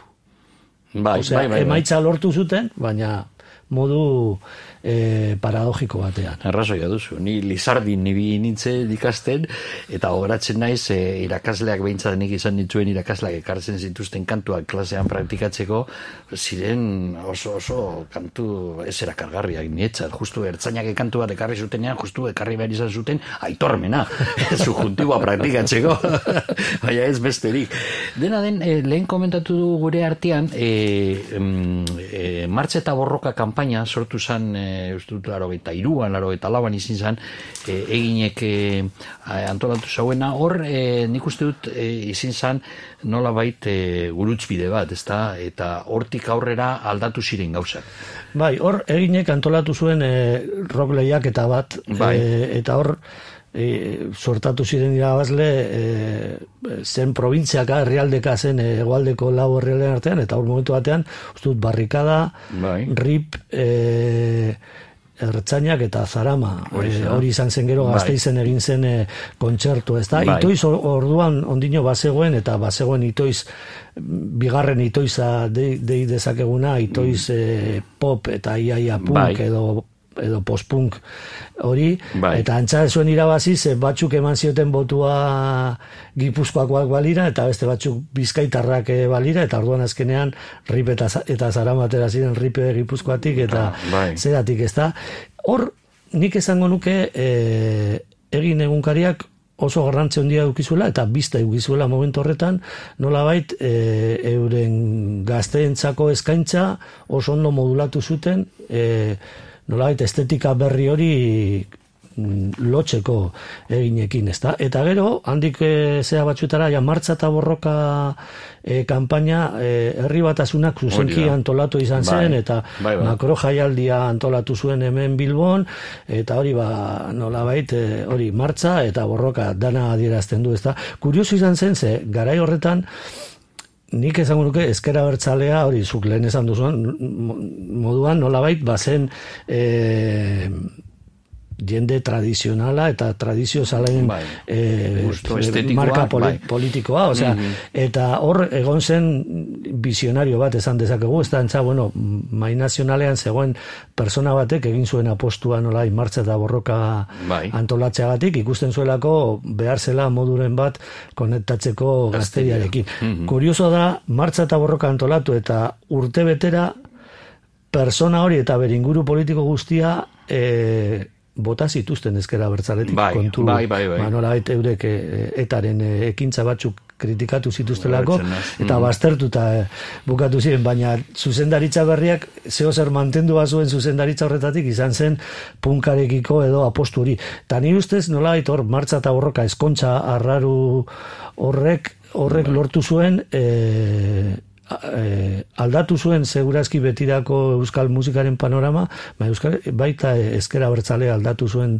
Gero ezkera bertzalea bezalako fenomeno politiko arrarua eta Europan e, bere ezaugarri berezi hoiekin hainbeste urte aguantatu izan badu, nire ustez izan da ere, hain zuzen ere, mutazio punk bat e, Bai. eukizuelako eta horrela lortu zuelako konektatzea belaunaldi berri, berriekin. Punkaren, e, fe, punkaren fenomene Euskal Herrian hain erabateko, hain indartsu izan zen, nolabait e, horrela lortu zutela, segurazki ez zuten hainbeste aguantatuko hori barik, nik hor ere nolabait e, arrakastaren indarra ematen dio gehiago musikari Bai, bai, bai. beste fenomeno batzu baina ez da, igual hori nire ikuspegia da, baina... Ez, nik uste dute arrazoia duzula, eta, bueno, gaur egun arte, e, ezkera bertzaleko gazteik batzen direzenean, musika da, e, zera, oso garrantzitsua, ardatza, nola bait, euren jaialdietan, atortxurrok baldin bada, edo ingitzi, e, orain ernaike antolatzen dauena Bai, bai. urtero, eta barrekoetan oso garrantzitsua Bai, da, bai. musika, ondik gaur egun. Niretzako lehen aipatu duzu hori ripek eh, telesforo monzonen eh, kanta hori. Bai. Oso, niretzako hori telesforo monzonen kantak oso ah, nire zaizkiz bat ere Bai, gustatzen bai, hori bai. bat dira militaristak, epikoak, oso Bai. matxiruloak, Oso, beti bai. dira danak anaiak borroketan eta mutilak, mm ez dago neskarik emakumerik Bai, ez dago inundik, baina arripekoek bazukaten kriston usaimena ere zerkiak detektatzeko, ere goratzen naiz lehenengo momentuetan eh, jotzen zuten ere hori ni urlongo eh, Gwen Design eh, martxinin edo Bai, bai, bai. kanten eh, ba, are zerkia badena edo bazegoen talde punk bat eh, Britaniarra Angelic Ustars oiek zeukaten eh, Ah, bai. solidari, Mhm. Solidarity eh, eh, Poloniako sindikatuari egindako kanta bat eta horren berzino ere egiten zuten ripekoek Mhm. eta lepoan hartu eta segi aurrera hartu zuten eta bilakatu zuten ere zerki punk bat Bai, eta bai. bueno hori simbolikoki nik ustez oso importantea da hori hor egon zen ustarketa berri hori ez da eta horrek markatu zuen gero euskal musikaren jitea aurrengo hamarkadatan Bai, horre e, e, egon bada musikari garrantzitsu bat, e, muguruza izan da duterik gabe, kortatu, gero negu gorriak, dutekin egindakoa, bere kabuz egindakoa, izan dire bi hamarkada eta erdi, eta bera izin da personai funtsesko bat, gaur egun ja musikatik at dago neurri batean. Neurri batean, bai. eta goratzen az, e, tesirako entrevistak eta egiten ibili nintzenean, asko ezagu, bera asko ezagutzen duen persona batek esan zidan, e, Fermin da tipo bat e, ikusten duen emaitza, e, lortu nahi duen emaitza ikusten du, eta gero ikusten ditu ere hori egiteko eman behar dituen e, pauso Bai, guztiak, estratega. eta oso disiplinatua da pauso guztiak. e. Eta horretan bai, nik mugur, Fermin Muguruzaiai ikusten dut produktore moduan, Bai, da, bai, bai, bai. musika beltzaren eh, hori produktorea, nola, Bai, dana bai. buruan daukana eta antolatzen duena, eta hori izan da beti, eta horretan, bueno, sekulako errakazta. Bai, eta oso bai. garrantzitsuak bera sortutako disketxeak, bai esan osenki eta gero metak izan dire Bai. funtseskoak, hainbeste kantari, estilo guztietakoak. Hori da, bai, bai, bai. E, euri esker, ze elkar nola baite zahartuta zegoen estiloari begira, naiz eta rock eh, onartu eta oiuka sortu eta bar, eta gero soinua, soinua, bueno, soinua, oiuka gero elkarrek erosi zuen, baina euren ikuspuntua zan apur bat e, konservadoriagoa, nola baite, eta e, Ferminek e, horretaz behi izan zauen ikuspuntu hori ikusteko e, disketxea sortzea funtseskoa, bai, bai, bai, eta gero gaina esku zabaltasun handiz ibili bai. ziren e, disketxean, eta bueno, hortik orain segurazki ere nola hemen abanguardia edo gauza bitxienak eta purtzailenak e, egiten duen bide utxe disketxe edo disko Bai. kooperatibak ere hortik sortutakoa da, ez da, Dudarik zentzu horretan bai, eta, eta molde horretan ez da, kokatzen da.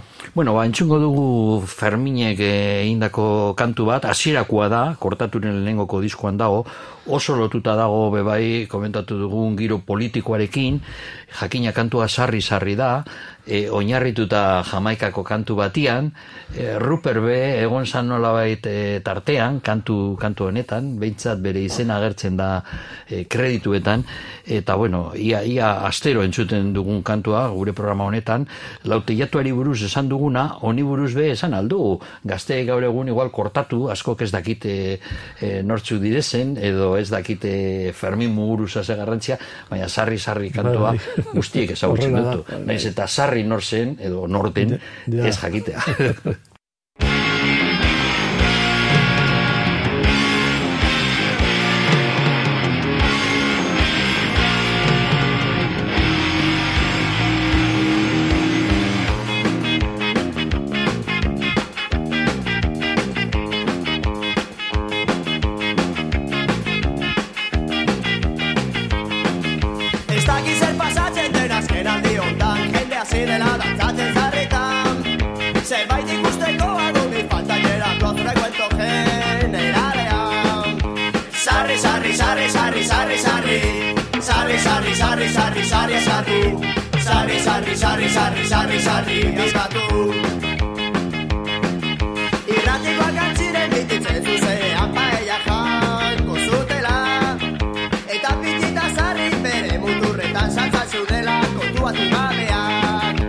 Sarri, sarri, sarri, sarri, sarri Sarri, sarri, sarri, sarri, sarri, sarri Sarri, sarri, sarri, sarri, sarri, sarri Zaila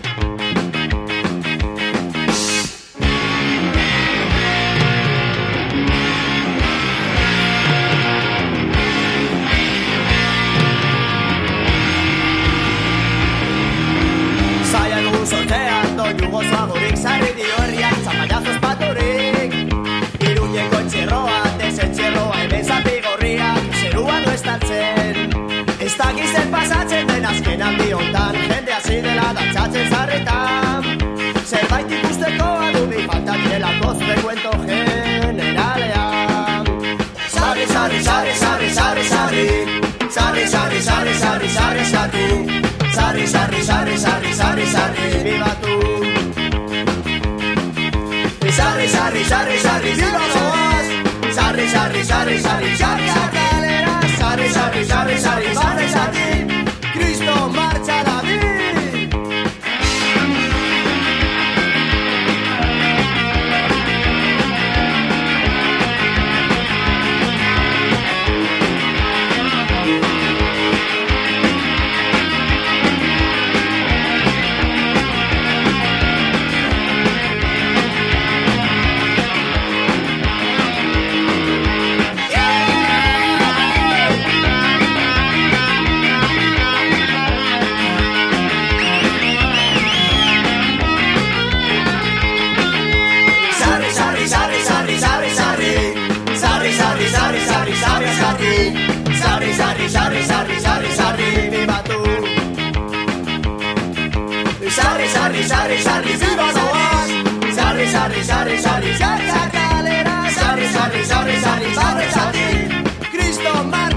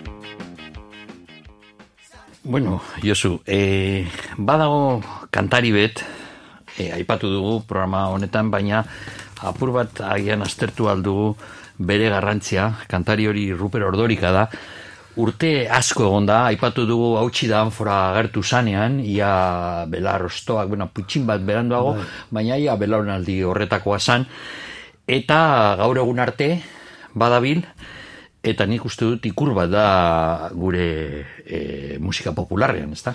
Bai, bai, dudari gabe, hor, hau txidan fora uste dut laro gehian agertzen dela, eta nik esango nuke, bai, hor, ja, nolabait, diskorrekin, Ruper, bueno, bada, orduan ere hori singer songwriter e, zuk askotan esaten duzu moduan bat ez da agertzen da agian molde oso ere tradiziozkoan, esan nahi dut berak ere asko ezagutzen du musika tradizionala eta oso ondo jotzen du, ba nolabait hori balada bat edo e, bere diska guztietan dago alako ez balada tradizional bat, baina bai bera konposatutako balada narratibo bat, Bai. askotan diskak e, izteko beti daukalako kantaren bat iaia Bai. gitarra eta botxa non historia bat e, kontatzen duen, lehengo balada tradizional hoien e, moduan hiru trukorekin e, egin zituenak, ez da? Bai. Baina beste alde batetik ja hautsi dan foran badago estetika bat e, gaua dena iria dena, zer ikusirik ez, nik hor liburuan kontra jartzen dut hori,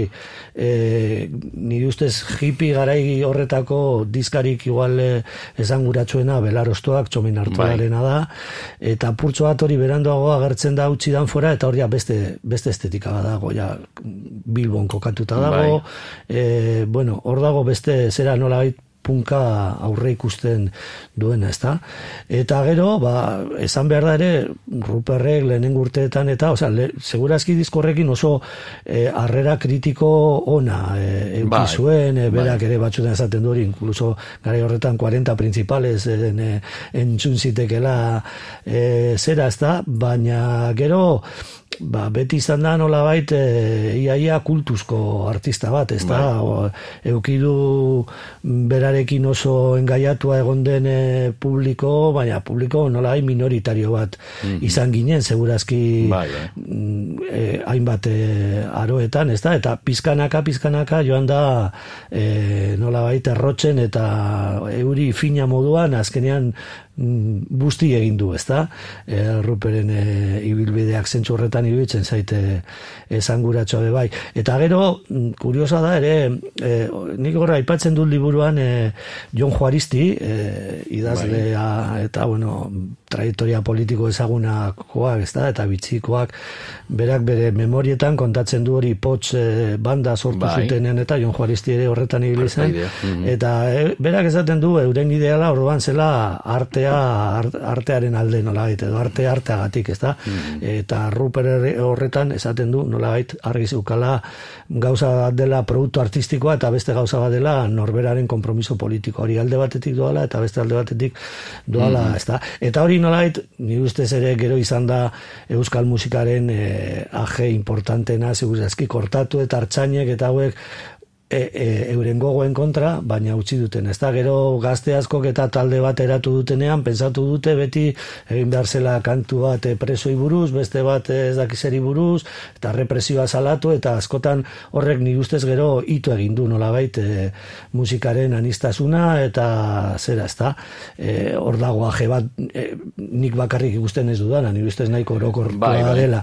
Eta Ruper ere guzti horretatik at egon da, bera bere ibilbide egin du, bere letrak egin ditu, baina askotan ere bere letretan eta nolabait erakutsi du e, irakurketa bat herriaren e, bere gizartearen egoerari buruz, e, erakutsi du konpromiso bat, baina egin du nolabait artistek egiten duten moduan, hau da, nik esaten dut nire egia, nire zera, bai. botatzen dut, egiten du kanta bat horrekin, eta kantak egin dezala bere bidea, eta nik neurera segituko dut. Ez da zentsu horretan ere oso eredugarria izan da, e, kantetan hitz egin du e, desarrollismoari buruz, hitz egin du e, bueno, gertara politiko, denetariko gertara politikoak Bai.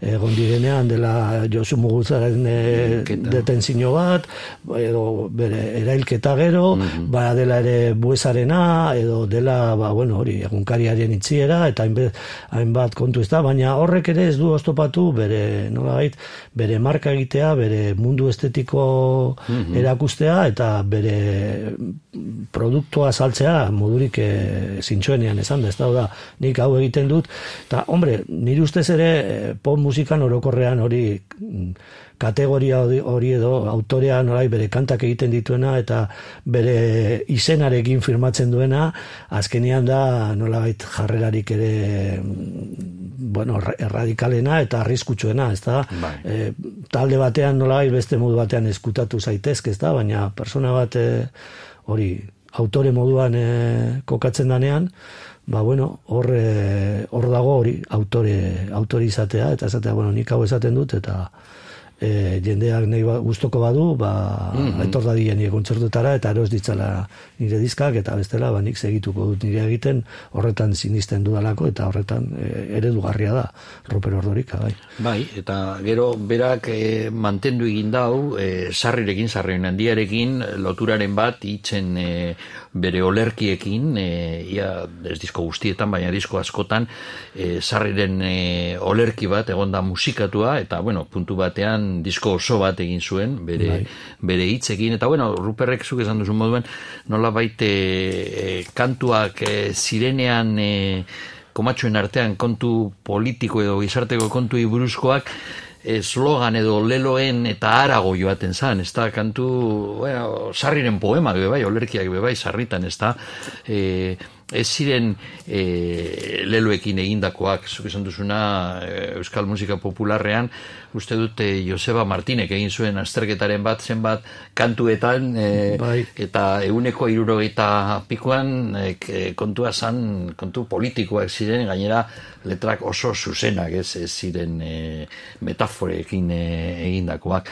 Ruperren kantuak bestera batekoak ziren, gero bestetik musikaldetik oso exigente izan da beti, eta ez da harritzekoa, e, berarekin e, diskoetan gutxienez ibiltzen direzen e, musikariak e, munduko puntan dauz, ez da, hor dago Belmonderrekin hainbeste diskoa, Puerto Bowiren azkenengo diskoa, Lazarus disko horretan Belmonder izin zan gitar jolea, e, gero ba, Bill Friselekin dagoen e, Bai, erritmo Kingi sekzioa eta erruperrena da, bai. Bai, eta bai. e, Tony eta Wallensen eta bueno, zentsu horretan lortu dau, lortu dau musikalki puntan egotea mundu mailan esango nuke ni, naiz Bai. eta mundu mailan artista ezaguna ez izan.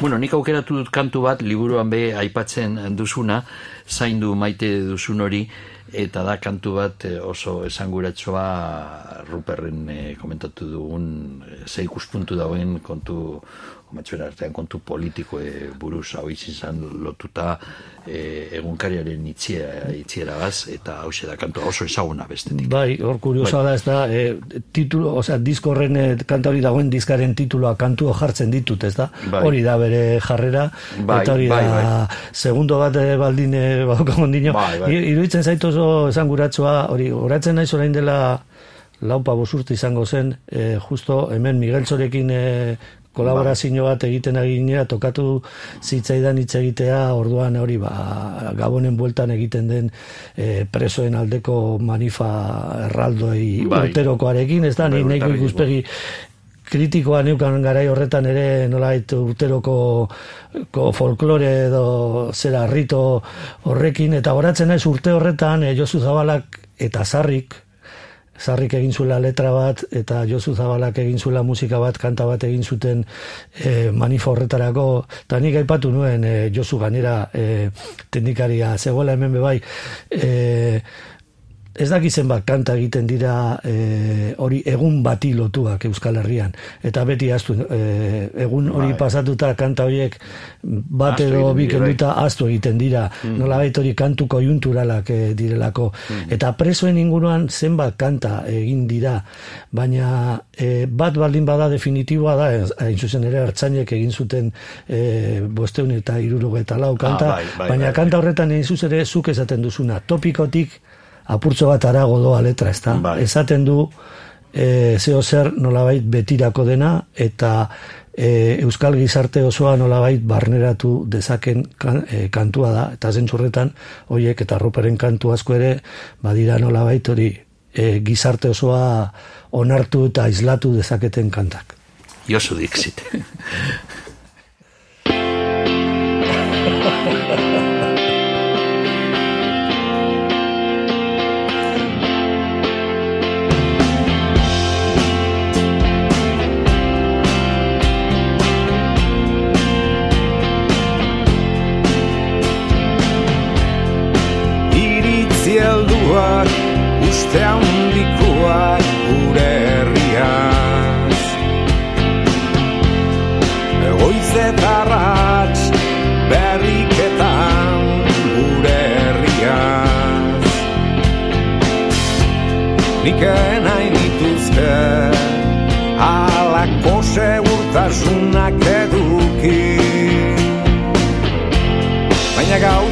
zer Kontuak etzaizkitateatzen ongi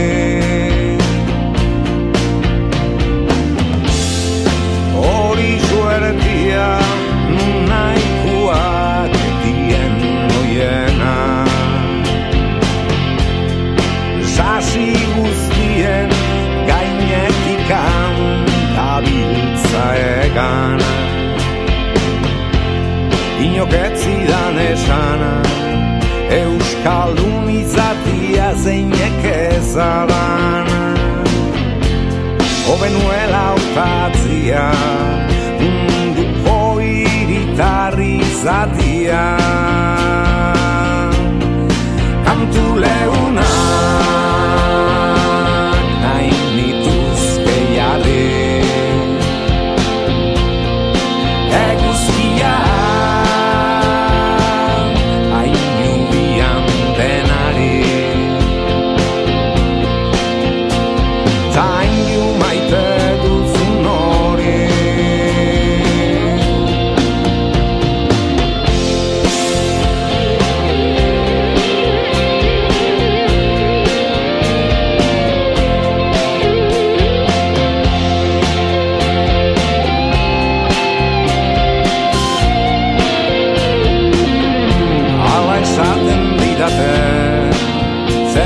Zertan zabiltza maite kontuetan. Elkar bizitza jokuan Eta zu berriz bertso txikietan Kantu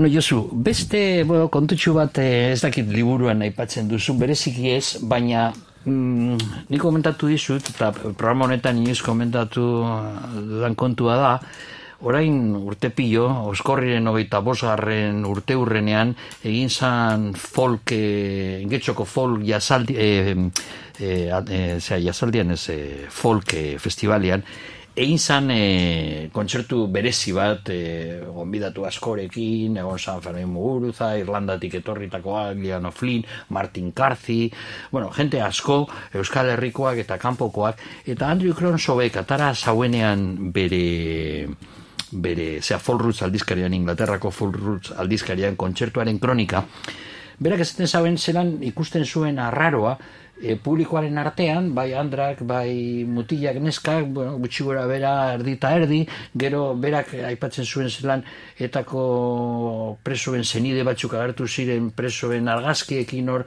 tarte batian, eta be bai hor andrak egoten ziren, baina, gero esaten zauen, eskenatokiaren gainean andra bat bez esan egon egun horretan eta eta hori egia da. Eta nolabait e, hori eta gabiz oskorri eta mundu hori ez da rock and rollarena ez da punk mundua baizik eta folk mundua. Eta folk munduan beste herri batzuetan badago parekotasun bat. Baina hemen Euskal Herrian emoten dago ezetz eh? egon dire e, triki pop garaian bai egon ziren e, zergaitik hori eta zergaitik jarraitzen du?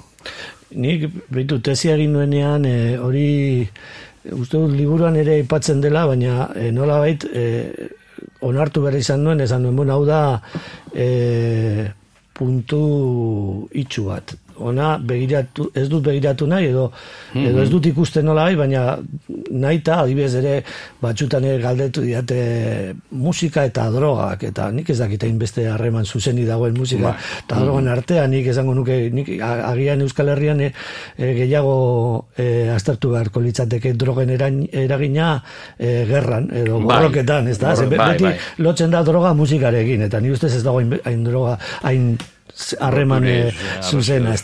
Eta e, emakumen presentzia musikan ere da nolabait gai oso importantea, baina ni hau egiten ari nintzela pensatu nuen, bueno, ezin na sartu historia horretan hori geratzen da urrengo Beste baterako, ezta? Eta e, edo beste persona batek edo nik Ba. neu, baina beste momentu batean Bai, bai. egin beharko dugu hori, ezta? Momentu honetan kezka handia dago e, horrekin, ezta? Eta badago Bai. jende asko lan egiten horren inguruan, baina egia da, egia da, e, bueno, horregon zen e, e, Lourdes Iriondo ez doka Bai, bai. garaian, eta bueno, maite Maite estitxu, Idiri, baina kantariak beti. Bai, bai, hori, askotan hori, emakumen patua alako kontuetan, eh, Maurizia da nola baite Bai. de izar bat eh, mundu tradizionalan, baina bakarra ere, beste, Bai, bai, bai. iaia beste alde batetik, ez da, gero folk taldeetan, ba, igual, aizean edo izukaitzen eta ere egon ziren emakumezkoak, Mhm. el rockaren mundu orokorrean oso oso rollo maskulinoa da, ez da, aurten azkena jaialdian eukidute kritika hori, gaztezko EH Bilduren aldetik, ez da, Bai. iaia emakumerik eh, ez dagoela, baina nik esango nuke ere hori azkena bezalako jaialdi batean ere emakumeak dato zenean, ba, beti egon behar dute eskenatokiaren erdian, eta nola ere oso rol berezitu batean, ez da, hor rokak badauka problema bat generoarekin, musikak orokorrean badauka, badauka arazori, oso kontu maskulino izan da historikoki, eh, bueno, orokorrean... Eh, Baina ba- bitxia da, ze musikariak, andrak musikariak pilo bat dauz, ze musika eskoletan andrak dire bai, gehienak. gehienak, bai. Ba, bueno, hor dago, ez da, beti, hori, ba, feministek hori izaten dute, ez da, e, plaza beti egonda lotuta gizonekin, Mhm. eta etxea nolabait emakumekin, eta nik uste dut, ba, hori gertatzen dela, ez da, egon daitezke adi, igual, musikarionak, baina emakumezkoak, baina plazara ateratzeko, ba, Bai. beti egonda hor e, muga hori, ez da, azken urteotan ere ondino nabaritzen da, gero eta emakume gehiago dago Gehiago, taldeetan, gero eta presentzia handiagorekin, eta gero eta gehiago rebindikatzen dute euren planteamendua, ez da, baina hori ere, orain dela gutxi, e, est- estatu Espainiar moduan ere indiaren e, e, eszena horretan kejatu ziren Kristina Rosenbing eta alako emakumek e, daukaten e, pairatzen duten e, bazterkeriagatik, ez da. Euskal Herrian gaur egun guzti hori nola eta purtzen duen eta emakumen rola e, beste maila batetara eraman duena eta gainera kriston publiko femenino duena eta anari da. Nitzako Bai, bai. gaur egun Euskal musikaren inguruan dagoen fenomen horik eh, importantena Bai. arrazoi handi askorengatik eh, anari bera da, baina niri ere gustatzen zaite esatea hori, ba, anarik azkenean ere bera dago bera emakumezkoa da eta eh, eskenatokiaren erdian dago eta gero jotzen du eh, gizonezko musikariekin, ba, maite Bai. mursego dago batzuetan taldean, beste Bai, batzuetan ez, baina- ezta? Baina beste guztiak bere talde osatzen dutenak gizonezkoak dira, baina bera despeditzen danean edo agurtzen dunean beti esaten du anari gera. Ez da, Mhm. A- Bai, bai, anari bai. da talde bat, ez da Bai. bakarrik, anari berak egiten du musika eta letrak, baina berak beti esaten du anari gera. Eta nire- niretzako hori ere kontu polita eta interesgarria da, baina beste alde batetik ere argi da, gaur egun anariren e, musikak e, asko ailegatzen dela emakume askorengan.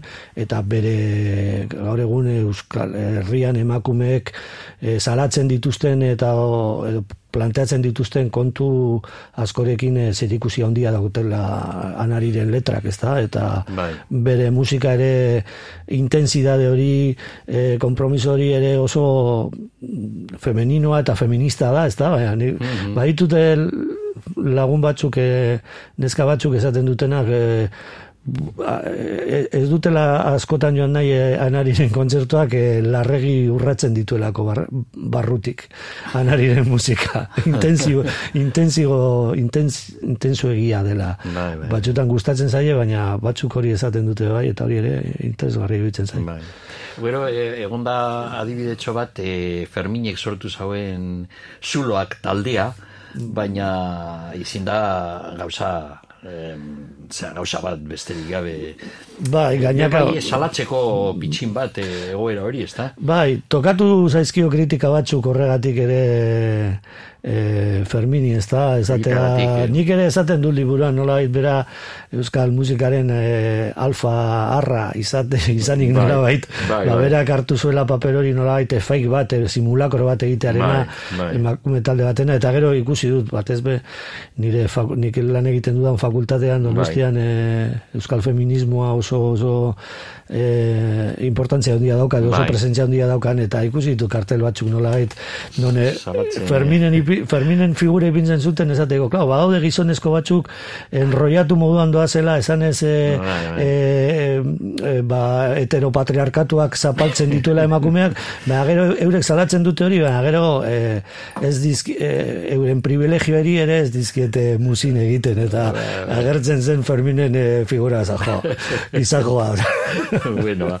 guk entzungo dugu anariren lehenengoko diskoan zegoen kantu bet, e, nik anari hasieratik pentsatu, pentsatu nuen e, aparteko kantaria zan, aparteko musikaria zan, eta minaren funtza kriston kantua zan, zuk esan duzun moduan, astindu egiten dagoen kantaria da.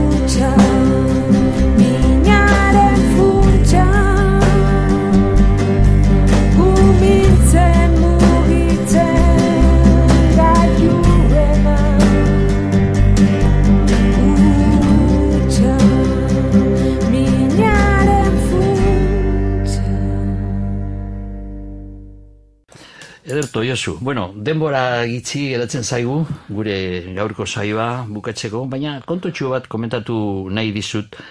E, moda moduan, azkenengo bolada honetan e, ertatu da, aspaldian bebai Espainialdean hainbeste talde indiek e, jarri zuten modan ingelesez e, kantatzea, euren kasuan ez e, gaztelaniaz baizik eta ingelesez.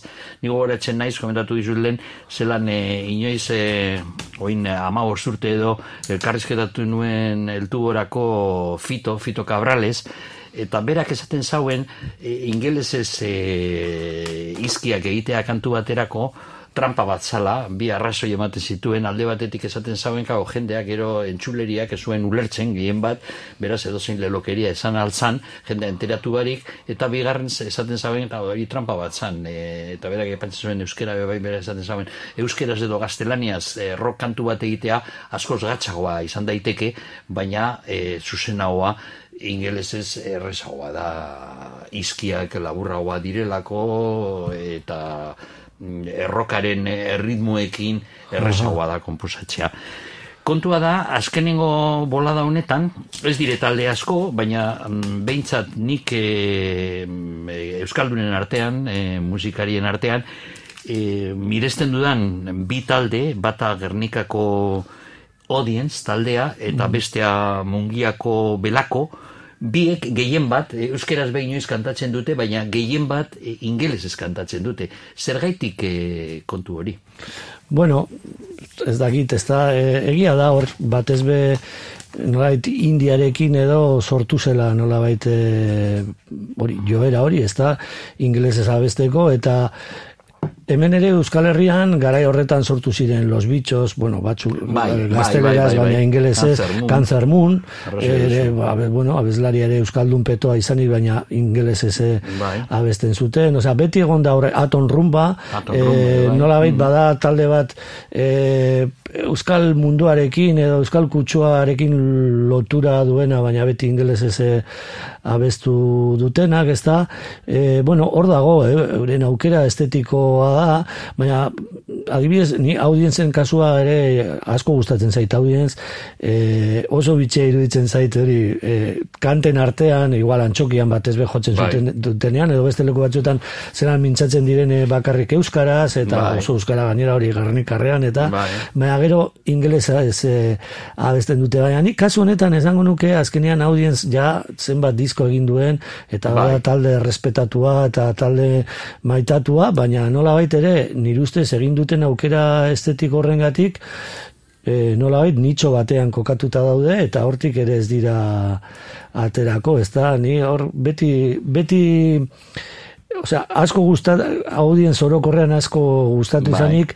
Janot mintegiak e, euskeraz egiten zituen kantak, ziren gehien gustatzen zitzaizkidanak, ere musikaldetik ni ustez beste jite bat zeukatelako, baina pena da, orain mintegiak e, uste dut talde utzi duela, eta batez Bai, be bai. zinemagintzara dedikatzen dela, eta Bueno, ba, pena da, hor galdu da aukera estetiko bat, ez da? Belakoren e, kasua ere, bueno, bitxia da, eurek ba, momentu batzuetan 50-50 abesten dute euskeraz eta ingelesez, baina belako da, e, merezi dutelako, eh, dudarik ez, arrakasta kosmikoa nola Bai, eukitzen bai, ari den bai, talde bai, bat, bai, sí. eta da talde bat ere gainera asko jotzen duena jaialdietan, eta, Bai, bai. bueno, molde horretan, e, agian, ba, errezago daukate ingelesez Bai. e, abestea, publiko suposatzen da zabala Bai. zabaleren gan, gana bitu, nik a, a, beste gunean justo erosi nuen dizka bat, e, hor, e, Katalunia aldean badago talde bat animik deitzen dena,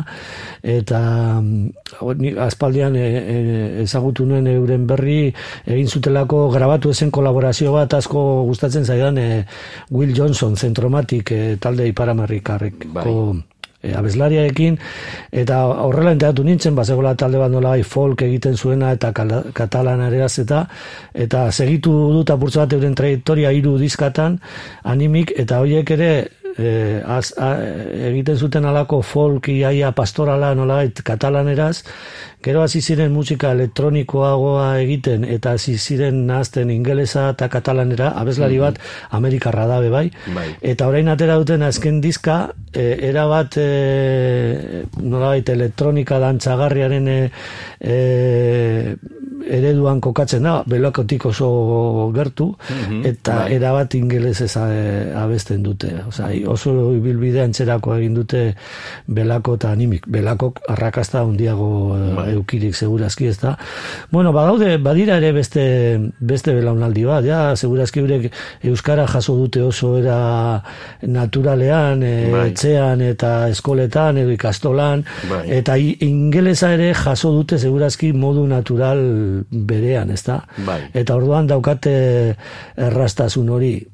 Ez dakit. Bai, audienze, audienze kontuan esate baterako eu- euren hitzak oso onak dire, ingelesezko egindako hitzak guztiz eh, organikoak dire, oso, oso onak. Eta belakoek nik uste dut inoiz komentatu dute zuk esan duzuna, eta arrazoia duzu, euren proiektzioa, eurek eh, mundua Euskal Herritik eta arago joaten da, ez beste musikari batzuk igual, hementik inoiz ez, ez ziren kanporatuko edo, edo gitxi, eta ingelesez kantatzea igual ez zuen hainbeste zentsuri, baina eurek, bai, zuk esan duzun moduan, festivala ontizetan e, dabiz eta euren asmoa zeurezki da entzuleri zabalago batera llegatzea. Bai, azken diskoan uste dut ez dakit kanta bakarra daukaten euskeraz, uste Bai. dut egodun baleak edo alako zazen, Bai, baina bai, oso bai. interesgarria iruditzen zait horren letra azkenean momentu batean esaten dute e, aio aita, agura ma, hemendik alde egin behar dute nola bizimodu topatzeko. Zan dut oso, oso kantu esanguratsua da Euskal gizartearen, Euskal gazteriaren isla baldin bada, momentu honetan kanta hori da, ezta? Bueno, ba, kantu, kantu hori, Josu, zuk aipatu duzun kantu hori, entzungo dugu beste bat e, genuen prest e, zaldi baltza, baina zuk aipatu duzuna, kantu handia izanik, hori entzungo dugu. Pres badago, ez dakit hor dago ipon, improvisazen. Ederto.